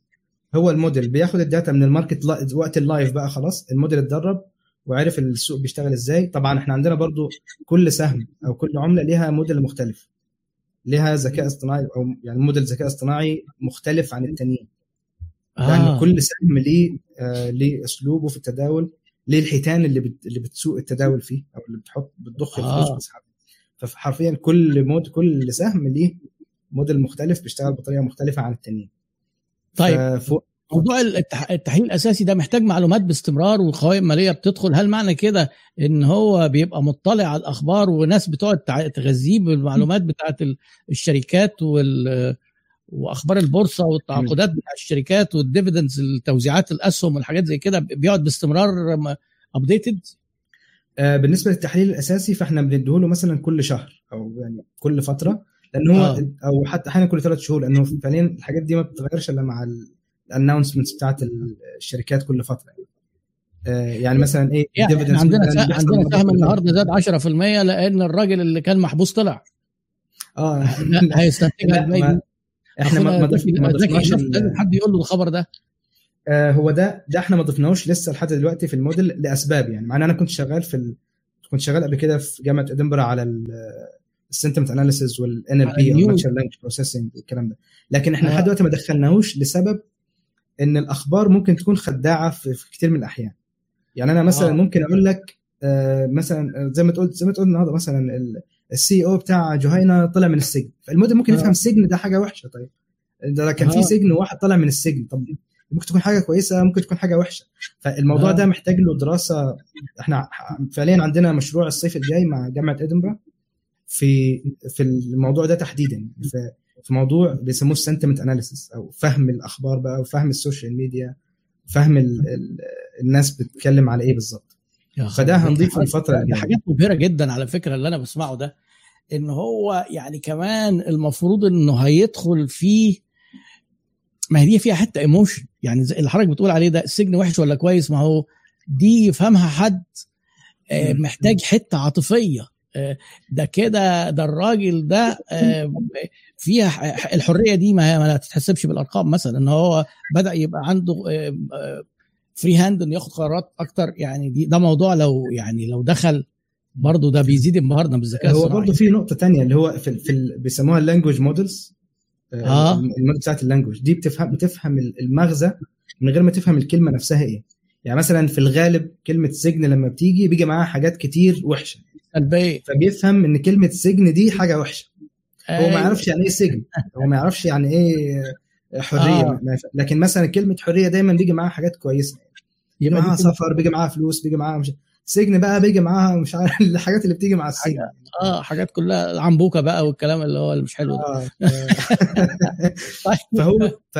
ف... فده ده برضه ده موديل تاني خالص بيتدرب لوحده بعيدا عن الذكاء الاصطناعي بتاع التداول. بيسموه language model فأنت محتاج ال language model اللي هو زي الشات ال ChatGPT اللي قلب. الدنيا ده. هو ده لانجوج موديل آه. هو الناس كتير مش فاهمة يعني إيه language model فيقعدوا يقولوا له طب قول لنا الذهب هيبقى بكام؟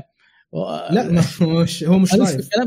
بيحاولوا بقى. يدخلوه في الشغل بتاعكم. يعني هو آه ده مش بقى. ام أم مسامح عندها كريم ومش عارف مين أيوه فاهم؟ وام سام- ما ماليش دعوة هو اللي هي ال- آه، الذكاء بقى إيه الخباثة ال- البشرية. عشان. يطلعوه ما بيفهمش يقول لك بس يبقى الذكاء الصناعي ده غبي وحمار. إحنا كويسين. إحنا كده زي الفل نروح ننام بقى آه بيحاولوا يرضوا نفسهم يعني اللي هو أنا الحمد لله أنا أحسن منه بكتير ما أنا عارف ام سامح عندها سامح.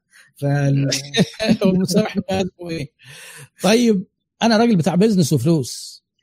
إيه نسب النجاح ونسب الأرباح كعائد على الاستثمار؟ ويعني خلينا نتكلم بقى فلوس يعني لأن أنت نجاحك من نجاح عملائك إن هم يحققوا أرباح. أنت بت- بتوعدهم إن الذكاء الاصطناعي هيكسبكم فلوس أكتر ما تكسبوا بنفسكم. فتحقيق الوعد ده حصل لأي درجة. تمام. إحنا الحمد لله زي ما قلنا إن إحنا في التداول اللي إحنا تداولناه من نص نوفمبر لحد دلوقتي فإحنا عاملين تقريبا 6 أو 7% في- الوضع السيء اللي في السوق. فده إثبات إن الموديل فعلا شغال وبيجيب فلوس والحمد لله داخلين بمبلغ كويس يعني مش داخلين ب 500 دولار ولا حاجة. حلو جدا. أنتوا بدأتوا التجربة عمليا في نص نوفمبر بالظبط لحد النهارده نص يناير. يعني وإحنا يعني حوالي بنتكلم آه، ده ما شهرين شهرين تقريبا. آه شهرين. 7% في شهرين يعني إحنا بنتكلم لو مشينا بنفس المعدل إحنا طبعا في ال business في law of averages بنمشي بقانون. المتوسطات. يعني لو افترضنا يعني إحنا بنتكلم كده حوالي 40% سنويا. ده سبحان الله 40 ده اللي بنوعد بيه الناس يعني أو مش بنوعد طبعا إحنا ما بنوعدش حد. إحنا دايما بنقول للناس فكرة ده المتوقع رقم ده رقم يعني كلمة رائع قليل عليه بس خليني أكدها بس معاك الأول. 40 هي الأرباح وال100 هي المبلغ المستثمر عائد على الاستثمار. بالظبط. يعني أنت لو. مستثمر 100 دولار المفروض آخر السنة يبقى فيه 140 يبقى بنقول أنا معايا 140. بنقول من 30 ل 40 آه طبعا 25 حلوين قوي إحنا آه بالظبط. يعني إحنا هو طبعا هو طبعا الصناديق العادية ما بتحققش طبعا الأرقام دي خالص ولا لا حتى لا لا ما فيش الكلام ده. طبعا. طبعا الصناديق العادية كلها خسرانة السنة اللي فاتت بال 25 و30 و35% أصلا يعني ف... آه. فهو برضو طيب، أنت فكرة إنك هل ما ممكن تطلع على هذه الصناديق هل ما يسري على ال- العملات والأسهم ممكن مثلا نستخدمه في شراء وبيع مثلا الخامات زي الذهب النحاس الحاجات اللي في البورصة ال- الحاجات اللي زي كده. أنت عارف الذهب عامل هوجة في العالم كله وفي مصر الناس كلها إيه يقول لك يلا نلحق نشتري ذهب. هل فعلا ما ده الإيموشن بقى اللي ما حدش يعمله. موضوع ال emotions اللي هو الذهب طالع يلا كلنا نشتري آه. ذهب. تشتري ذهب هو نازل مش هو طالع مش مش هو في ال top. في الاقتصاد علم الاقتصاد السلوكي اللي هو بيحلل سلوك البشر بناء على ال emotions. وفي. حاجة اسمها توقعات في الاقتصاد لما يجي واحد يطلع كده يقول لك إيه ده الذهب هيزيد كله بيجري يشتري بسلوك القطيع. وعلى فكرة سلوك القطيع يعني في قاعدة في البورصة طبعا أنتوا أنتوا أدرى مني 100 مرة إن توقعات العملاء حقيقة في السوق لو الناس توقعت ان السهم طالع هيجروا يشتروه هيطلع لو توقعوا إنه هينزل هيجروا يبيعوه فهينزل فبرضه دي حتت يعني ما أعرفش أنتوا متعاملين معاها إزاي. لا هو بالظبط انت حرفيا شفت مثلا أخبار وقت مثلا صعود البيتكوين. الفترة اللي فاتت آه. البيتكوين طلع من 3000 لحاجة و60 طول آه. الفترة دي هتلاقي مثلا يقول لك ده JP Morgan بيقول البيتكوين هيوصل مليون و Goldman Sachs بيقول لك هيوصل ل 500000 كله بيجري. تيجي فكله بقى بيجري عشان يلحق. عشان يشتري ها لكن وقت النزول تلاقي يقول لك ده مش عارف ال- مش عارف ال SEC بتاع أمريكا بتاع التداول هيمنع البيتكوين خالص. ومش آه. عارف آه، Chase بيقول لك البيتكوين نازل ل 1000 فاللي هو هو فعلا أخبار شفت أصلا إيه اللي خسرت 99% دي في كام يوم كده آه، اتهبدت. FTX. دي. آه. هو هو معروف الأخبار الوحشة بتيجي وقت ال... وقت ال bear market وقت الهبوط. آه. ما ده emotion برضه. emotion.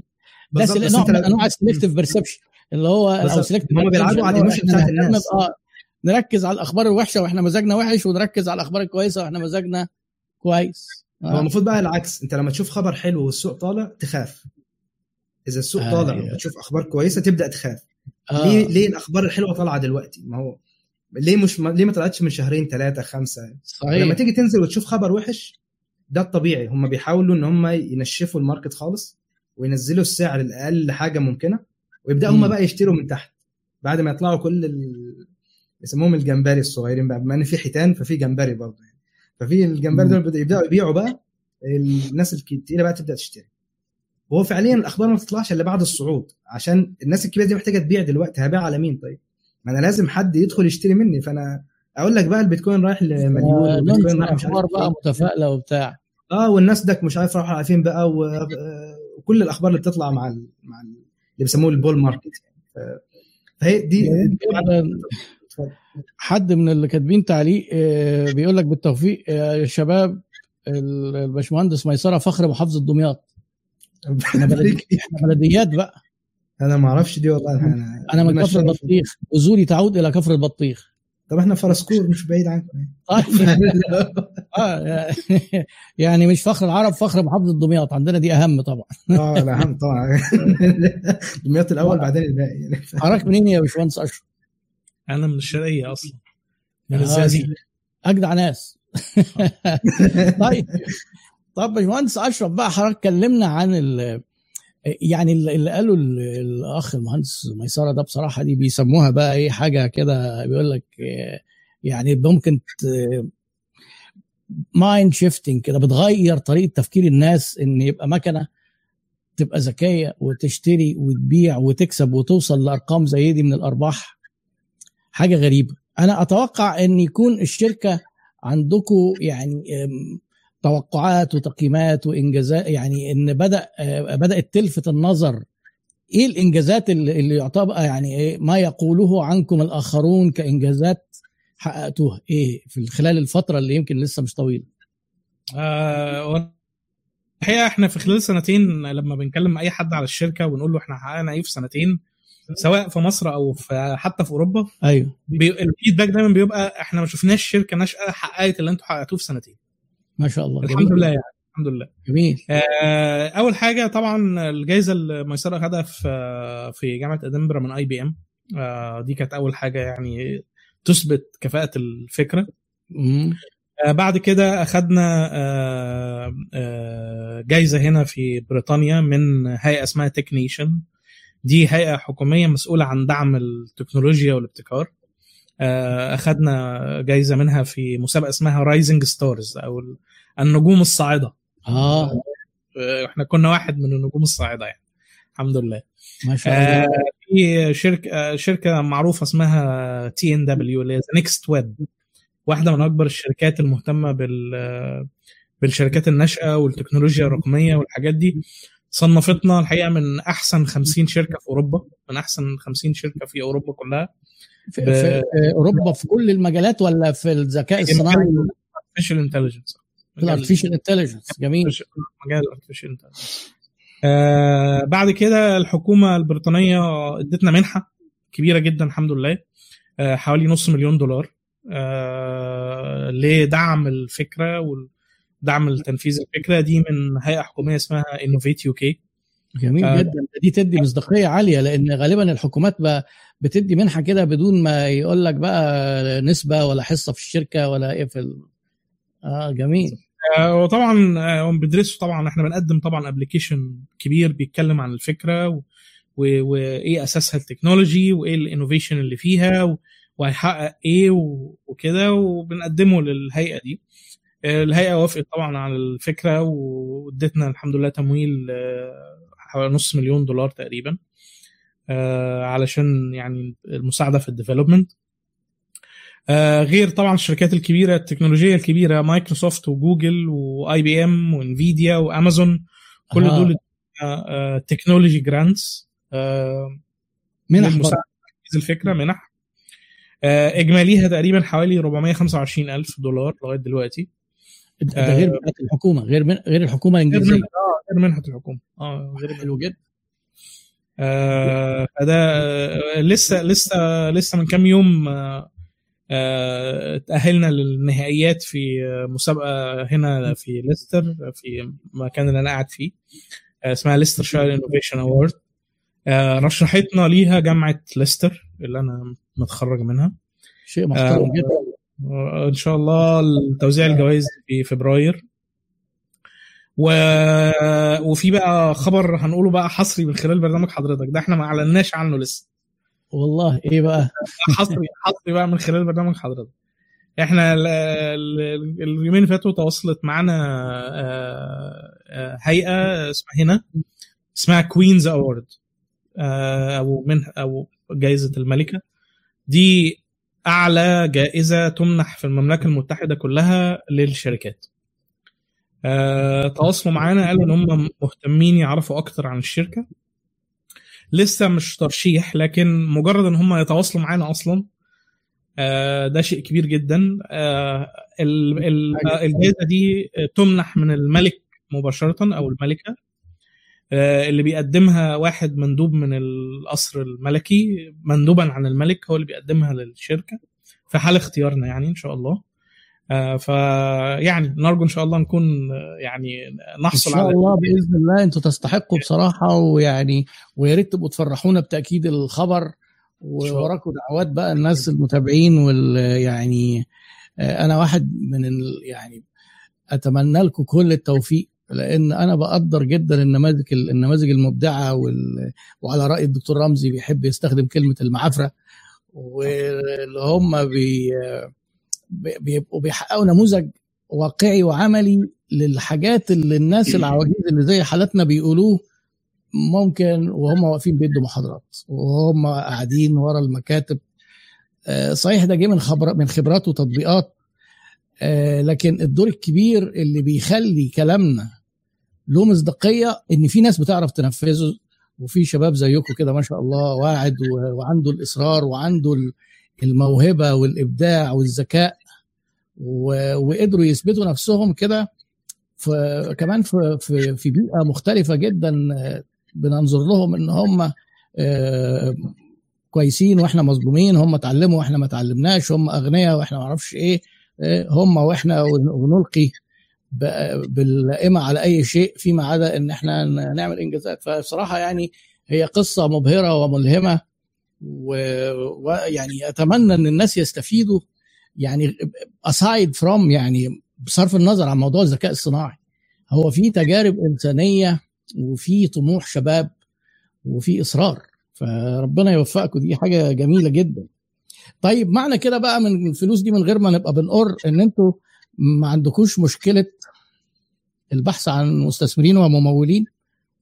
ولا والله هو هو. البحث آه. هو هو البحث عن مستثمرين وممولين ده مش مش حاجة بتتعمل يعني مرة في عمر الشركة لكن دي بروسس مستمرة طول ما. الشركة شغالة طبعا. لأنه طبعا احتياجات الشركة في مراحلها الاوليه الأولية يعني من من العمل بتبقى غير احتياجاتها بعد كده لأنه أنت في الأول مثلا عندك team صغير بتحاول تطلع منتج أولي أو بتطلع MVP بتحاول إن أنت تثبت منتج صغير كده يعني minimum viable product يعني منتج كده صغير يثبت إن إنه شغال. الفكرة شغالة بالظبط. أيوه. أه. آه، team team صغير لسه بنبدأ هكذا. بعد ما بننتقل معاكم لمرحله مصريين تانيين في الشركة؟ آه لا حاليا لا. إحنا اثنين بس المصريين مستشارين بقية الناس معانا مصريين. مستشارين. أه؟ معانا advisors مصريين. مس- استشاريين للشركة. لا مصريين. مستشارين. معانا معانا آه معانا advisors مصريين.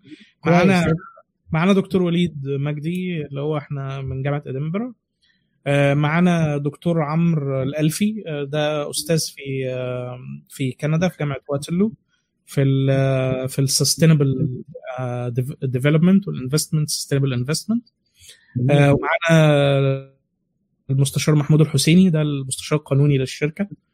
آه، راجل محامي كبير مستشار ضخم يعني ما شاء ما الله شاء الله. والموظفين بقى داخل الشركة.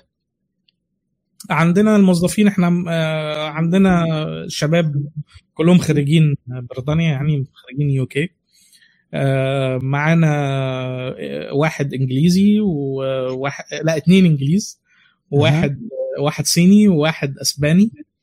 آه، زي ما ويوناني ويوناني. يوناني آه وكلهم مقيمين في إنجلترا ولا بتشتغلوا بقى بال online و remote وكده؟ لا كلهم مقيمين في إنجلترا الحقيقة. هو ال- الحاجات اللي هي very innovative زي اللي إحنا بنعملها دي الحقيقة بتستوجب إن الناس تبقى قريبة من بعض. آه. بيتناقشوا بينتقدوا بيطلعوا أفكار جديدة بنسأل بعض طب دي تنفع طب دي ما تنفعش طب نغير إيه؟ يعني ال 1 to 1 communication في الموضوع بيبقى مهم شوية خصوصا في الشركات الناشئة يعني.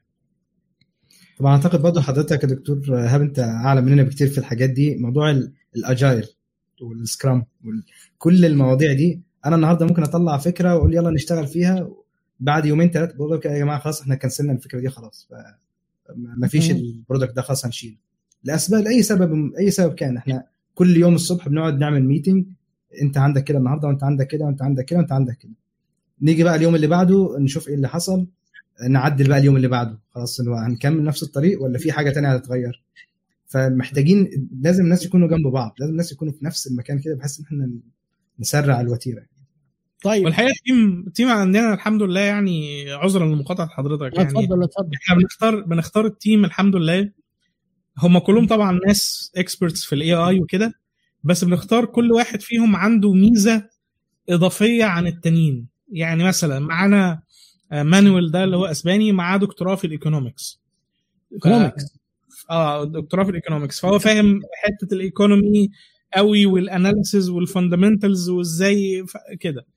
معانا مثلا بس ملوش علاقة بال AI بقى ولا technical ولا بتاع ولا برضه؟ technical برضه. هو آه، technical يكون عنده لازم يكون عنده minimum آه بس بس معاه آه. PhD في ال economics آه، معانا حلو. مثلا آه، كونستانتينوس آه، آه، شغال في المجال بتاع ال FinTech ال PhD بتاعته في ال FinTech أصلا. دكتوراه في ال FinTech آه اللي هي الايه التكنولوجيا المالية. والخدمات المالية. جميل. بالظبط فكل كل واحد فيهم ألان مثلا expert في في ال artificial intelligence وال deep deep reinforcement learning والحاجات دي.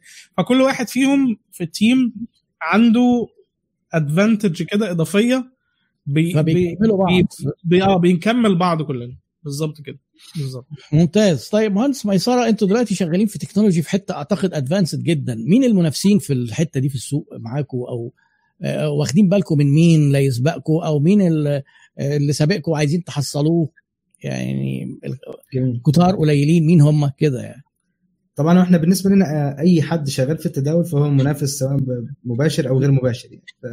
يعني آه. البنوك مثلا منافسين صناديق الاستثمار منافسين. آه، بعض شركات ال- اللي هو بيسموها ال FinTech برضه منافسين.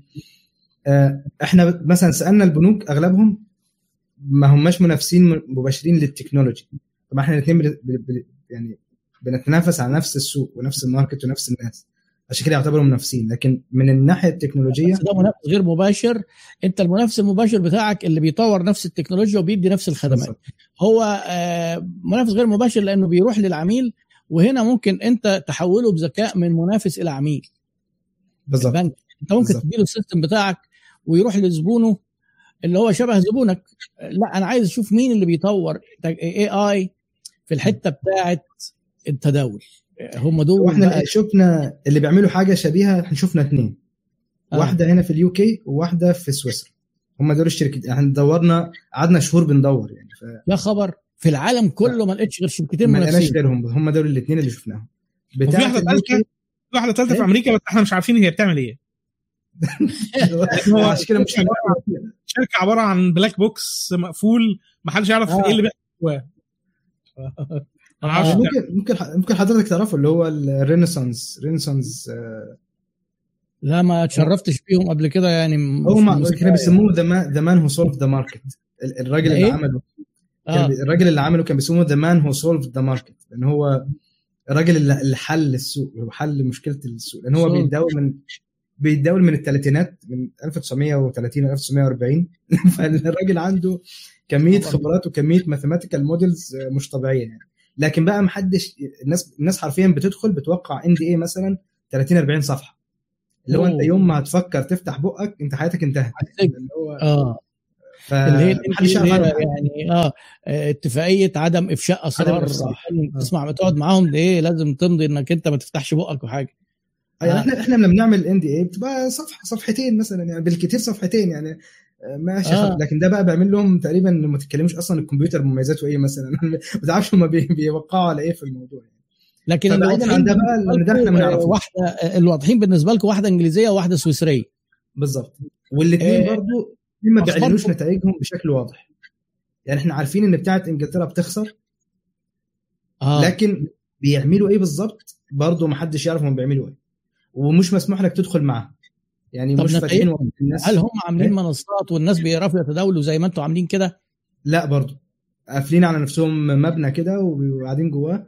مرحلة ال research مرحلة ال research آه هم شغالين بقى research عندهم مش عارف يجي 200 data scientist مش عارف ما تعرفش هم آه. بيعملوا إيه ب 200 واحد مثلا في المكتب يعني فاللي هو يا جماعة الموضوع مش عضلات الموضوع يعني ذكاء أكتر منه عضلات يعني يعني أنا مثلا شايف إن الشركة عندنا ممكن تمشي بثلاثة أربعة ممكن كمان مثلا ثلاثة أربعة تانيين لمدة سنين قدام لأن في الأخير أنت عندك automation tools وعندك ذكاء اصطناعي طب ما تستغل الذكاء الاصطناعي اللي أنت بتحاول تتداول بيه إنك آه. تقلل المجهود اللي على الموظفين أو. على الناس اللي عندك يعني معنى كده إن وضع المنافسة بالنسبة لكم كعدد منافسين وقوة منافسين مش تحدي كبير. بالظبط خالص. إذا بنتكلم عن نفس التكنولوجيا فهو مش. ده يعتبر شيء مبشر وواعد جدا هو لأنه في ناس كتير جربوا. إحنا كلمنا JP Morgan في مرة وقالوا إحنا جربنا آه. نفس التكنولوجيا دي قبل كده يعني اللي هي ال reinforcement learning وفشلنا فيها فبطلنا نشتغل في الموضوع. آه شيء جميل والله كويس حتى هم يعني حتى هم عرضوا علينا ساعتها قالوا لنا إحنا في في مشكلة معينة عندهم قالوا لو عرفتوا تحلوه إحنا مستعدين نشتري منكم المنتج ده لوحده يعني. ايا كان سعره هنشتريه منكم يعني. فالمنتج ده موجود عندنا يعني في ال R&D pipeline بس يعني إن شاء الله كويس ظبطوه بقى وروحوا ادوا لهم كده وخدوا آه ده من ضمن المشاريع اللي شغال عليها الطالب بتاع ال PhD اللي شغال معانا. لأن هو هو فعليا بيعمل ال PhD بتاعته على الشغل بتاع بريدكتيفا يعني. فهو طيب هو بيننا وبين من الشباب الصغيرين اللي في الكلية في computer science أو حابب الموضوع ده وعايز يبقى مؤهل في يوم ما إنه يلتحق بشركة بريدكتيفا وإن شاء الله تكون وقتها يعني ملء السمع والبصر تنصحه يمشي في أي طريق. جميل. طيب مبدئيا ال computer science وال programming دي حاجة لازم تكون اللي هو بيسموها ال second nature الحاجة أنت لازم تكون موجوده عندك. تعرف تبرمج كويس عارف بقى كل أساسيات ال software والكلام ده كله. يعني ما ينفعش والله تيجي مثلا تقول لي أنا مش عارف خريج أي كان زراعة مثلا وعايز أبقى بكرة machine learning engineer لا لازم تاخد السلم من أول. لازم تاخد الأول ال programming والقواعد بتاعت ال programming وال database والكلام ده عشان تبقى فاهم بعدين. طب دي ما تتاخدش learning مثلا لحد في أي كلية خريج هندسة بتاع ممكن ياخدها؟ بالظبط. لا هو ميزه ميزة المجال ده اول السلم اللي هو يتعلم ال programming البلدي العادي. بالظبط بالظبط. اللي هو آه. هو ميزة ميزة المجال ده إنك حرفيا من أوله لآخره ممكن تتعلمه في البيت. يعني ف انتش محتاج جامعات مش محتاج حاجة روعة أهو. كويس. أنا حتى وأنا في جامعة ادنبرا كنت بروح المحاضرة مثلا ما أفهمش الدكتور بيقول إيه. أروح أونلاين خلاص هتروح أونلاين. يوتيوب بقى هتروح يوديمي هتروح كورسيرا هتروح الحاجات هي فعليا أكتر مما الواحد يتخيل أصلا.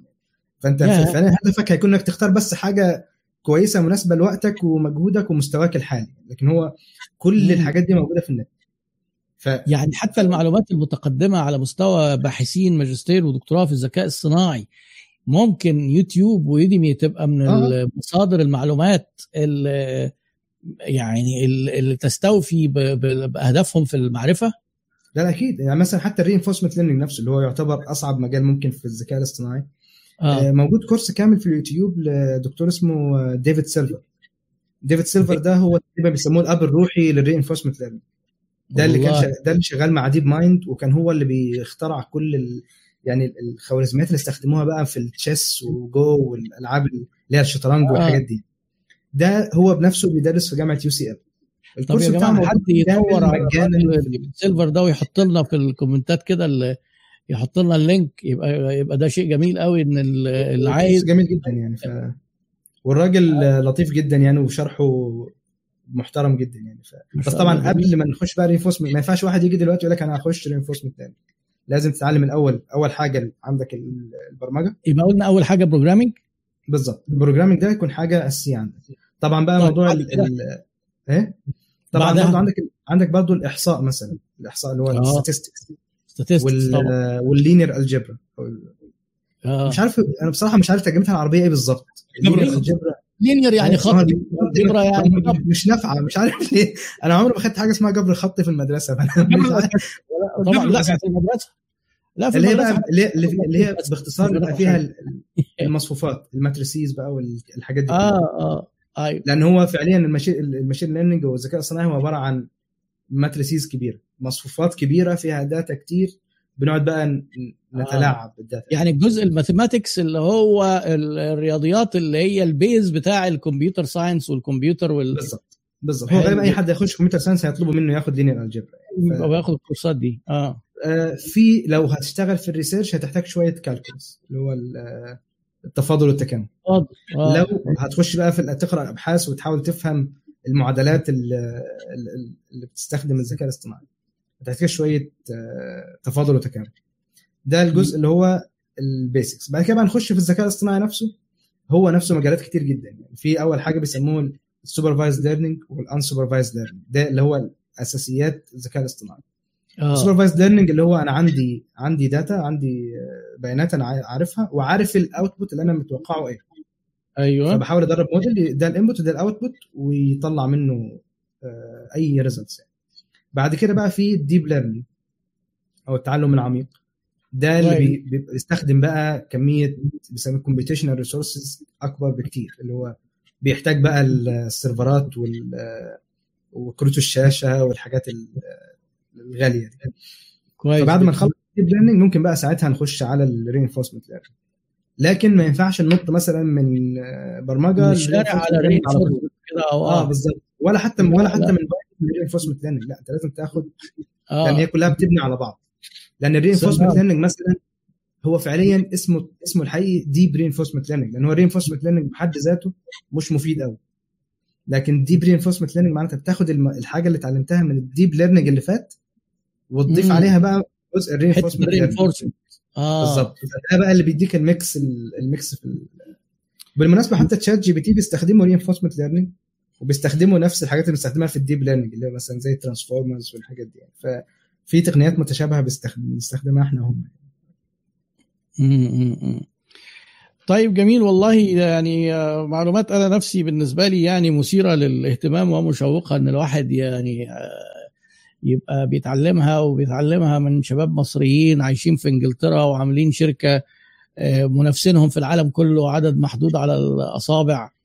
والشركات الكبيرة جدا بتخاطب ودهم وتدي لهم منح. ما المنح دي أنا فاهم ليها كبزنس إن هو يعني إيه إحنا حبايب وإيه ما نعضش في بعض.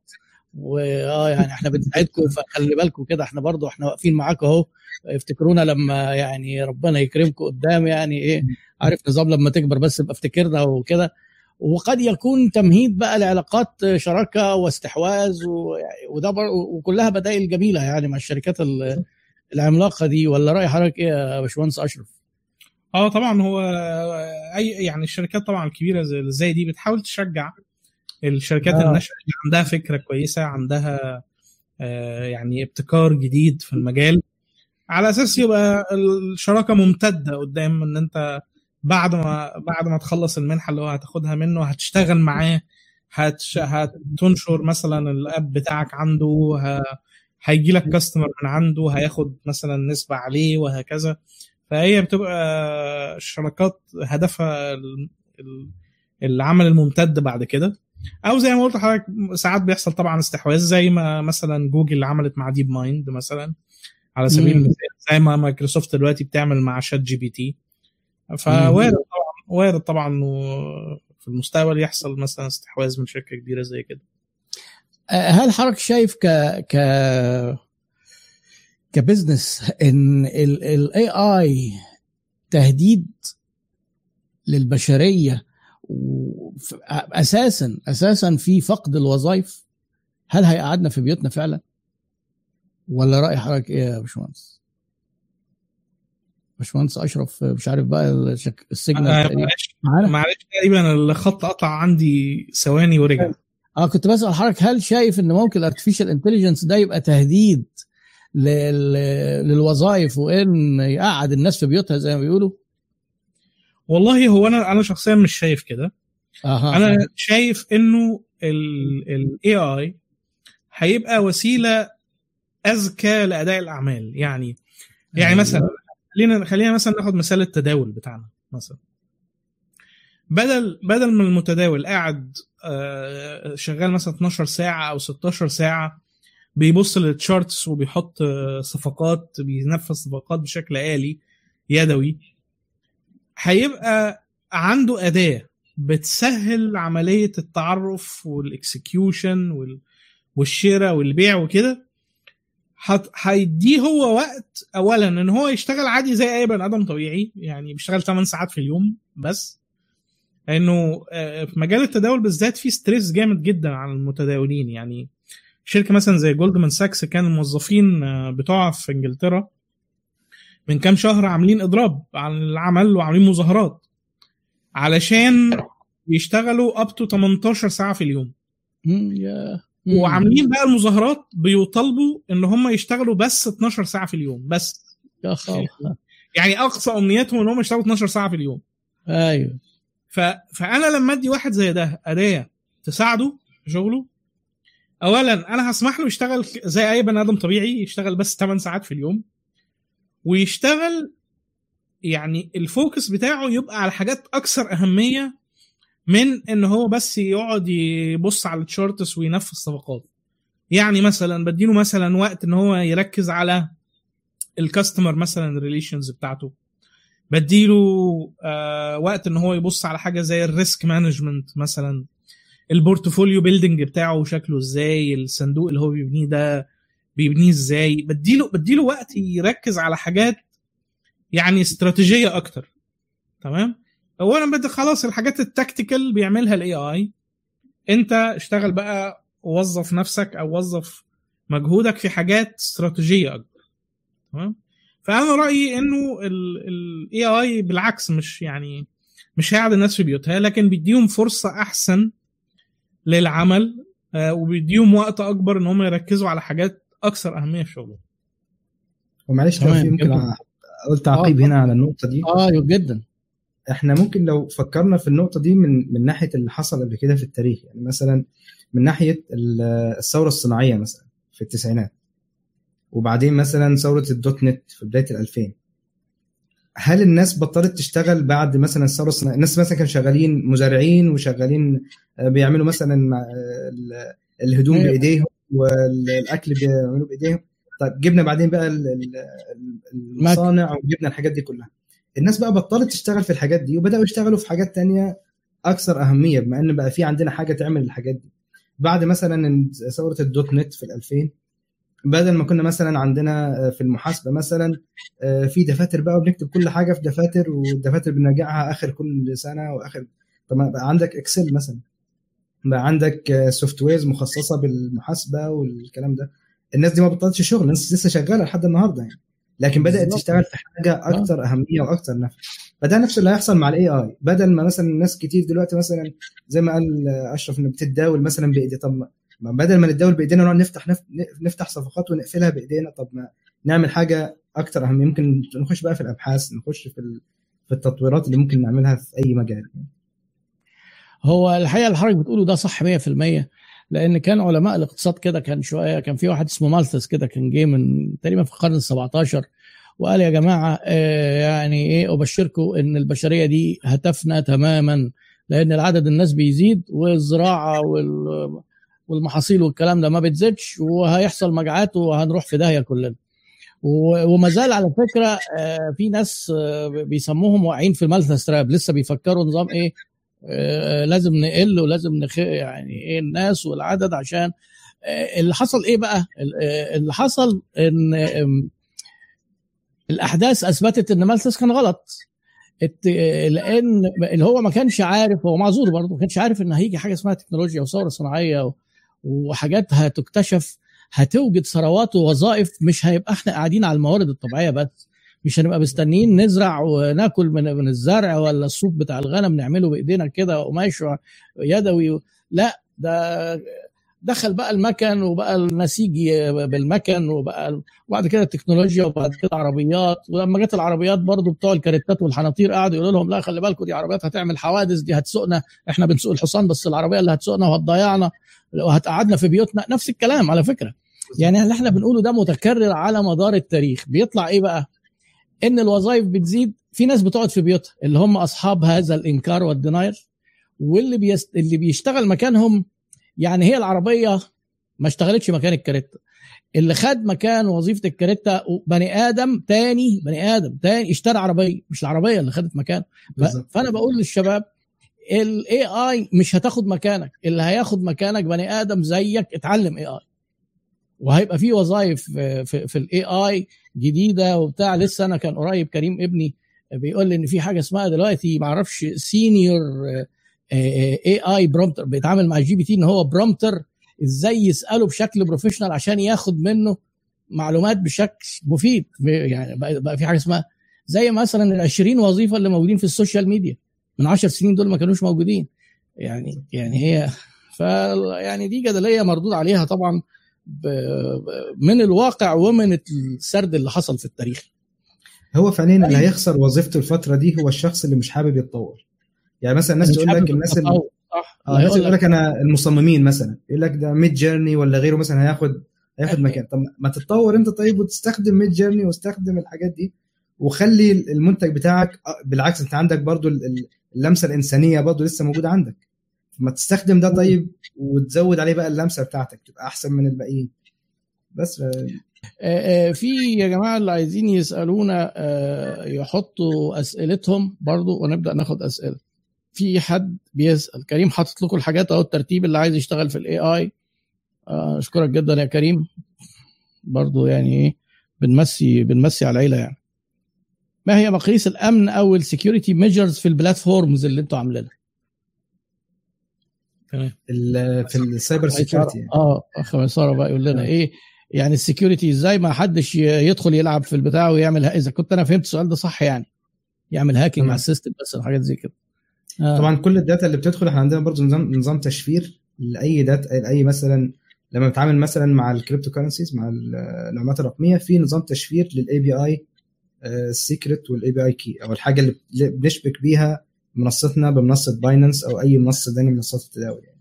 ففي نظام. تشفير بنشفر بيه كل ال data اللي بتدخل بحيث حتى الموظفين ما يقدروش يشوفوا الحاجة دي. ف... فكل دي حاجات بتبقى متشفرة. وغير كده برضو إحنا برضو عندنا آه، أكتر من يعني آه، مناقشات دلوقتي مع شركات cyber security متخصصة في المجال بحيث إن هم برضو يكون هم أدرى مننا طبعا في مجال ال cyber security فهيكون أفضل إن هم يمسكوا الموضوع ده في المستقبل بإذن الله. فالموضوع طبعا في بالنا والموضوع كبير أكيد. آه، عندنا دلوقتي system in place بس برضو بال... آه، عندنا برضو آه، فكرة إن إحنا آه، نجيب شركة أكبر في المستقبل تمسك الموضوع ده تحديدا. طيب الأخ خالد بيسأل حضرتك معلش تقول لنا تاني اسم الدكتور علشان آه، ما لحقوش يكتبوه عشان يجيبوا ال link بتاع الدكتور اللي هو David Silver. Silver. Silver اللي هو ديفيد الفضه Silver يا خالد بيه. يا ريت تعمل لنا القصة دي وتحط لنا تحط لنا اللينك.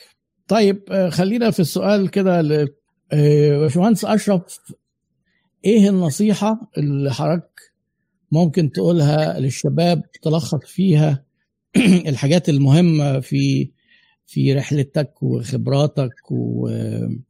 وانتقالا من آه، كلية العلوم جامعة الزقازيق إلى إلى إنجلترا إلى ال- إنك تبقى founder أو co-founder في شركة على حافة التكنولوجيا في في الذكاء الصناعي في العالم إيه النصيحة؟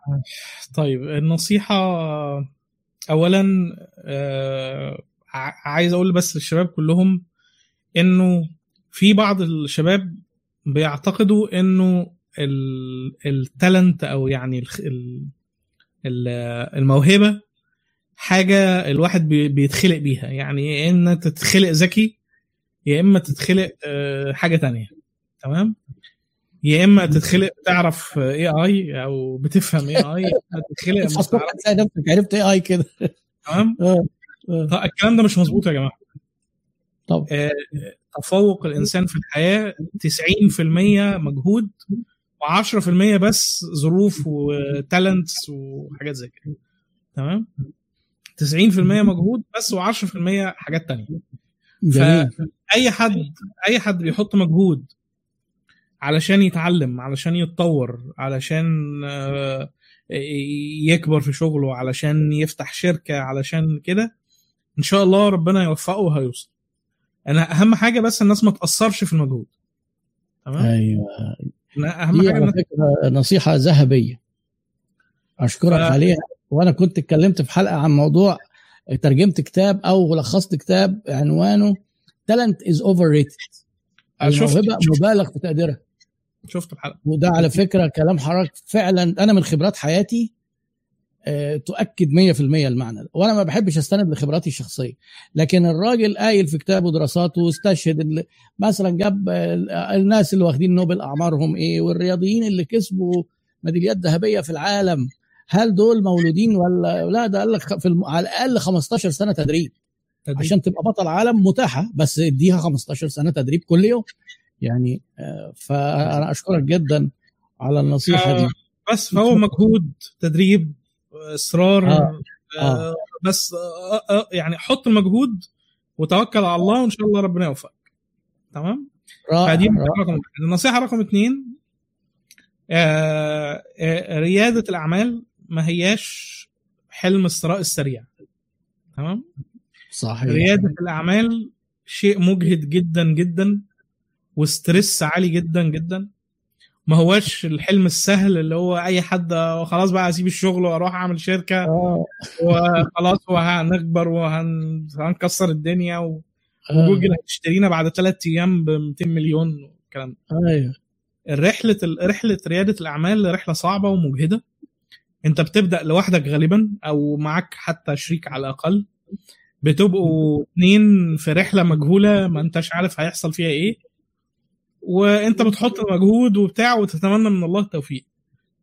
لكن لما تبقى شغال في شركتك انت معتمد حياتك كلها معتمدة بشكل أساسي على نجاح الشركة. غير لما تبقى موظف. انت بتعمل شغلك بتاخد مرتبك آخر الشهر وخلاص الدنيا تمام. ريادة الأعمال ما هياش يعني الحلم الوردي اللي هو بقى آه، روح بقى سيب شغلك وحقق ذاتك واتبع شغفك والحاجات الجميلة دي كلها حاجات حلوة كلها لكن إذا مش وراها عقل وتخطيط وخبرة. ملهاش معنى كلها. تمام؟ الحاجات. الحاجات ال- ال- الشغف والبتاع والكلام ده كله جميل لكن من غير تخطيط سليم ومن غير خبرة ومن غير تعليم ملهاش قيمة. تمام؟ حلو جدا. يعني حضرتك بتحذر من نوعين من المبالغة؟ ما نبالغش في إن في أهمية الموهبة لا عايزين مجهود. ما نبالغش في أحلام ريادة الأعمال والثراء السريع وهنعمل شركة وشوية وهيبقى عندنا يخت نلف بيه العالم وما نشتغلش خالص والفلوس قاعدة بتيجي لوحدها. آه، دي كلها مبالغات آه، الح- الحياة الحقيقية ما فيش فيها الكلام. آه، الحياة الحقيقية كلها مشاكل وتخبيط ومصاعب و... وضغط نفسي وده ده الحي... دي الحياة العادية. وهنستريح إمتى؟ هنستريح في الجنة إن شاء الله. في الجنة إن شاء الله.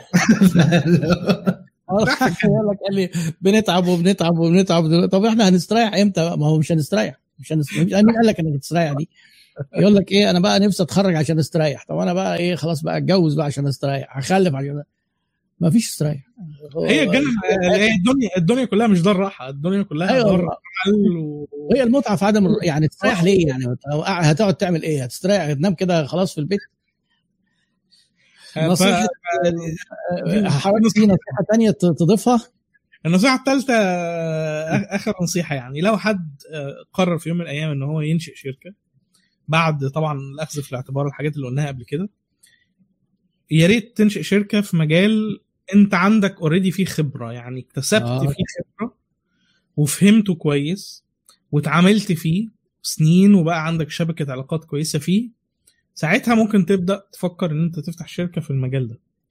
ما جيش في مجال أنا ما أعرفش عنه حاجة خالص أو ما ما ما أفهمش فيه وأروح جاي فاتح فيه شركة علشان الشركات اللي زي كده بتنجح. اللي هو بيسموه في نظام ال business me too آه اشمعنى أنا؟ كمان كلهم عملوا. شركات أنا عايز أنا أنا كمان. امم فدي غلطة الحقيقة شائعة جدا وبتسبب فشل كتير من الشركات الناشئة. هتفتح شركة أو هتقرر إن أنت تبقى رائد أعمال في يوم من الأيام ادخل في مجال أنت اشتغلت فيه عندك فيه خبرة كويسة جدا ممتاز.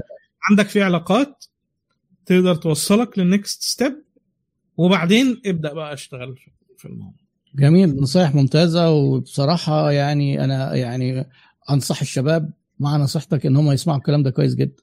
مهندس ميسرة إيه خلاصة نصايحك؟ جميل. أنا بصراحة كنت هبدأ بالنقطة اللي أشرف نهى بيها اللي هو دايما بيسموها في ال business أو في في رياده الأعمال اتعلم في فلوس غيرك ما تتعلمش في فلوسك. فاللي هو أنت تشتغل في مجال معين اتعلم كل سر الخلطة بتاعت المجال ده. أيوة. اتعلم إزاي تشتغل في المجال. يعني مثلا ممكن يكون مجال مجال قريب من المجال بتاعك مش شرط يكون نفسه بالظبط لكن لو انت مثلا مهندس روح شوف مشاريع الهندسة بتتعمل إزاي. آه، اتعلم إزاي إدارة الموظفين إزاي إدارة المشاريع إزاي إدارة الفلوس في المشروع بتتعمل إزاي إزاي مثلا بيتحسب عليا ال cost بتاع المشروع. كل دي حاجات انت لو جيت تتعلمها في مشروعك فانت كده خلاص مفيش وقت أصلا إنك تتعلم الحاجات دي. انت اخدت ال... اخدت ال... يعني المشروع اخدت الحاجة مفيش وقت إنك تتعلم. فالأفضل إن الواحد يتعلم الحاجات دي قبل كده. يعني. النصيحة الثانية المهمة في موضوع العلاقات إنك تبني شبكة علاقات صحيحة. يعني آه علاقات بقى مع عبده ومش عارف مين والناس دول دي مش دي مش دي شبكة العلاقات اللي هتحتاجها في ال business يعني شوف مثلا أنت محتاج شبكة علاقات مثلا عشان اي اي تشوف ناس بيشتغلوا في المجال ده. شوف ناس بيشتغلوا في مجال الشركات بيشتغلوا في مجال التسويق. وابدأ اتعرف على الناس دول. حتى في القاعده في قاعدة جميلة جدا اللي هي قاعدة يسموها the rule of 6 separations أو 6 dependences اللي هو أنت بينك وبين أي حد في العالم بالكثير 6 layers of separation. 6 layers of separation. آه، بينك وبين أي حد في العالم بالكثير ست أشخاص. ست بني آدمين. هي الفكرة أنت إزاي توصل للشخص الصح. مم. يعني ما هو ست أشخاص دول مش مثلا ابن عمي اللي قاعد معايا في البيت أو ابن خالتي اللي قاعد مش. عارف إيه. لا. أنت توصل للشخص الصح اللي هيرفعك لير واحدة لفوق يعني. وبرضو دي فدي نقطة مهمة إن إزاي يكون عندك العلاقات الصحيحة مش مش بس أي. علاقات وخلاص يعني. مم. النقطة الثالثه في حاجة من تجربة شخصية إيه، يعني معلش لو تفسر لنا شوية ال six layers of separation دي تشرحها. للشباب برضه عشان جميل هي بصراحة آه. من الحاجات اللي أنا بحبها جدا واللي آه. ما عرفتش قيمتها إلا بعد ما اشتغلت وهي حقيقة إحصائية على فكرة يعني مستندة آه. احصائيا. صحيح إحنا شفناها بنفسنا يعني يعني حتى أنا أنا واشرف لما بدأنا نتكلم هو كان في حاجة إحنا بنعملها بصراحة في ال... في, ال... في أي meeting بن... بن... بنقعد فيه. إحنا دلوقتي آه. قعدنا مثلا مع حضرتك دلوقتي وقلنا لك آه، معلش يا دكتور إيهاب إحنا عندنا مشكلة كده وكده وكده. هتعرف تساعدنا ولا لا؟ والله هت... هتقول لنا اللي تعرف. تقول والله بعدين لا والله أنا مش قادر أساعدكم. طب معلش تعرف حد ممكن يساعدنا في النقطة دي؟ آه. فكده حضرتك ممكن تودينا لحد ممكن يساعدنا أو ممكن يقربنا أكتر للنقطة دي. صحيح. فالتشين بقى بتبدأ تعلى شوية شوية لحد ما توصل للحد اللي أنت حابب توصل هو ده كانوا دايما بيقولوا مثال على كده لو أنت مثلا حابب كنت سمعت بودكاست مثلا من 10 سنين عن النقطة دي تحديدا قال لك لو أنت حابب توصل لأوباما مثلا عايز تكلمه فإزاي توصل لحاجة زي كده. قال لك مثلا أنت دلوقتي تعرف واحد آه، مثلا يعرف دكتور في الجامعة. دكتور في الجامعة ده ممكن يعرف وزير الوزير ده ممكن يعرف رئيس البلد رئيس البلد ممكن يوصلك بأوباما عادي خلاص فأنت فعليا. أقل من ستة بكتير ممكن توصل لأي حد أنت عايزه مم. فطبعا مع الإنترنت بقى في ناس طلعوا رولز جديدة ما بقتش ستة بقت تقريبا ثلاثة أو أربعة دلوقتي يعني.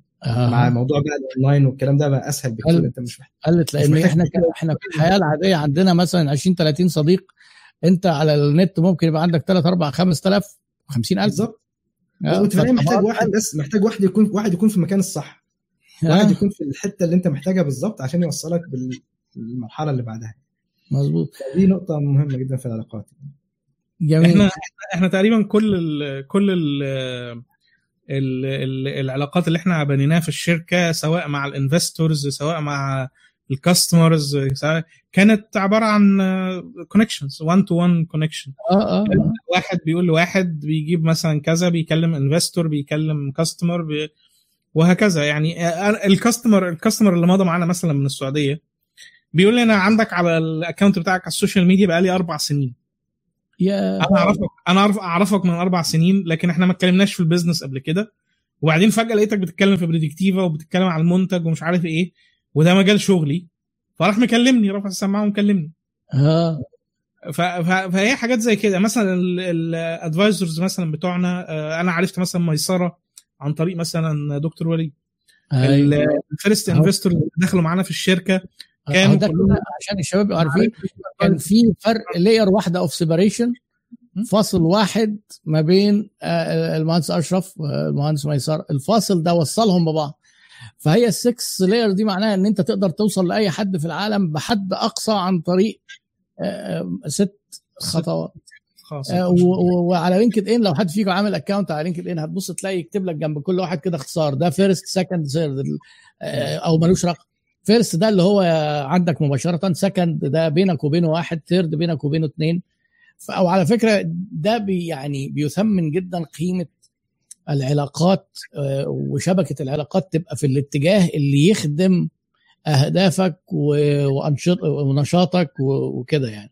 ف- فحضرتك إيه طبعا إيه أنتوا وصلتوا للناس اللي هم الناس ال institutions ووصلتوا للاستشاريين ووصلتوا لبعض عن طريق الشبكات العلاقات دي. فدي حاجة وصلنا مهمة. لل investors برضه وصلنا. المستثمرين اللي معانا في ال- ال investors. وللعملاء وصلنا ل Innovate UK برضه آه، عن طريق وليا. وصلنا لبعض يعني.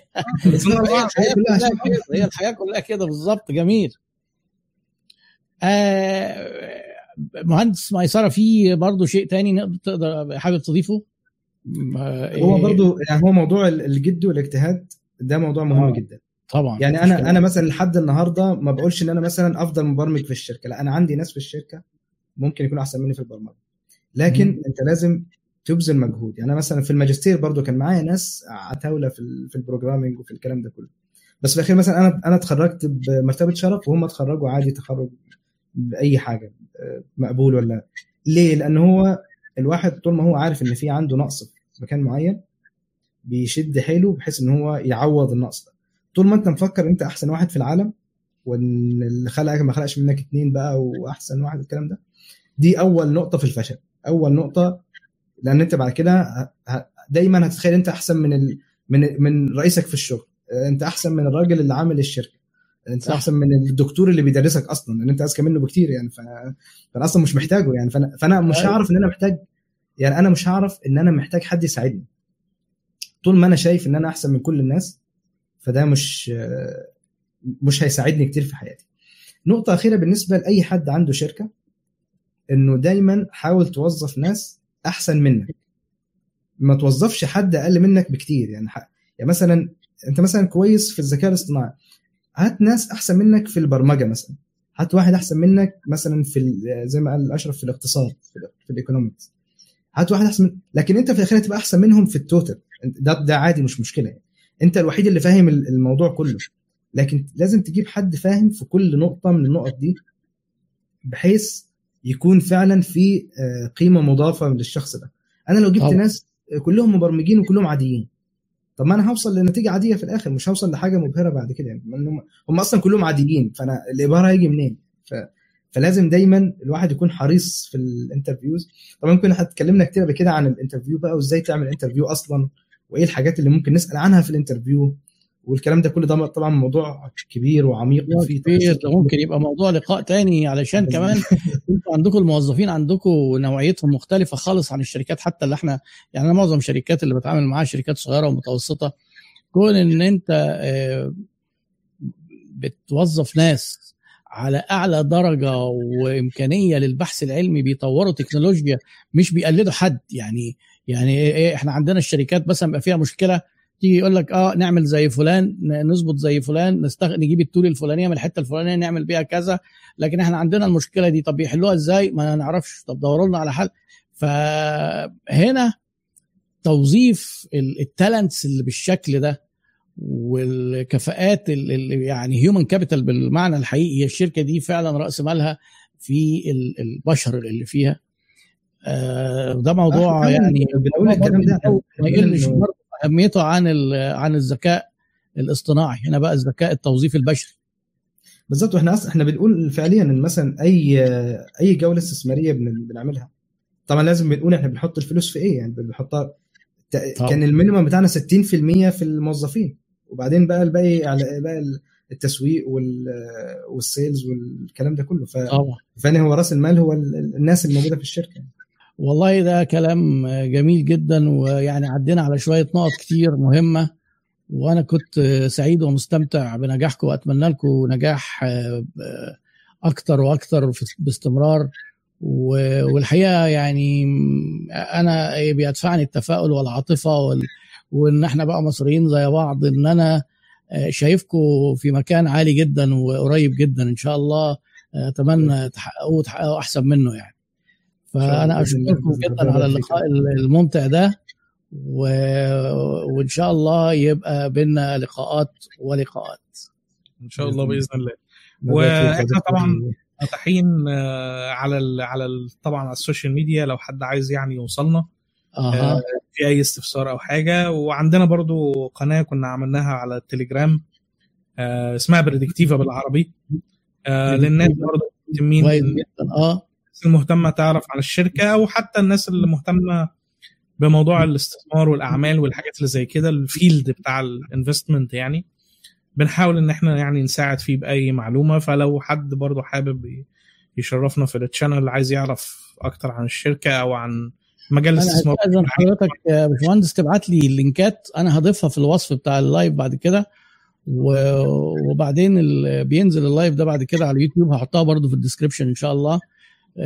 لأن آه، جميل إن هم بقى يشوفوا الكلام اللي إحنا اتكلمنا عليه ده سواء عن طريق بقى ال Telegram channel أو على الموقع المواقع بتاعتكم كان في حد سأل كده في وسط الأسئلة هل متاح إن إحنا ندخل دلوقتي ونتعامل ونشتري. أو نتعامل وناخد نحصل على هذه الخدمات آه، فالإجابة حسب ما أنا فهمت إن في إن الموضوع في حكاية في الخدمة اللي هي موجهة للأشخاص أو ال B to C اللي هي الكريبتيفا دي متاحة أعتقد مش كده؟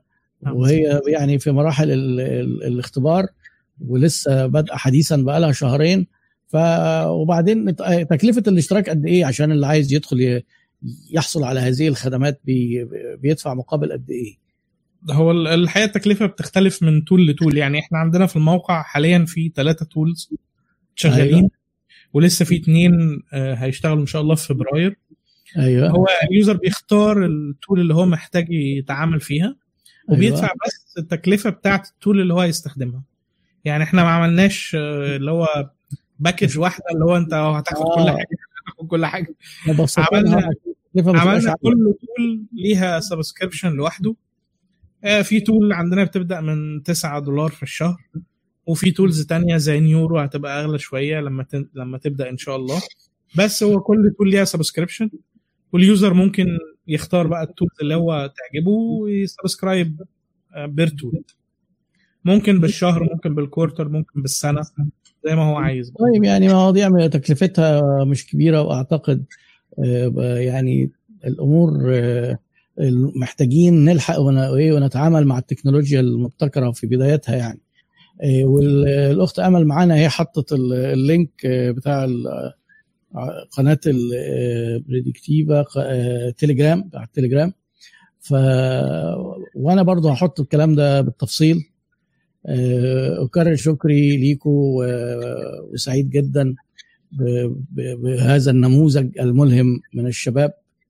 وأتمنى إن إحنا نكون برضو افدنا السادة اللي معانا المتابعين وأشكر متابعتهم وإن هم قعدوا معانا يعني أكتر من ساعتين. وشكرا لكم جميعا والسلام عليكم ورحمة الله وبركاته. شكرا جزيلا. السلام عليكم. شكرا عليكم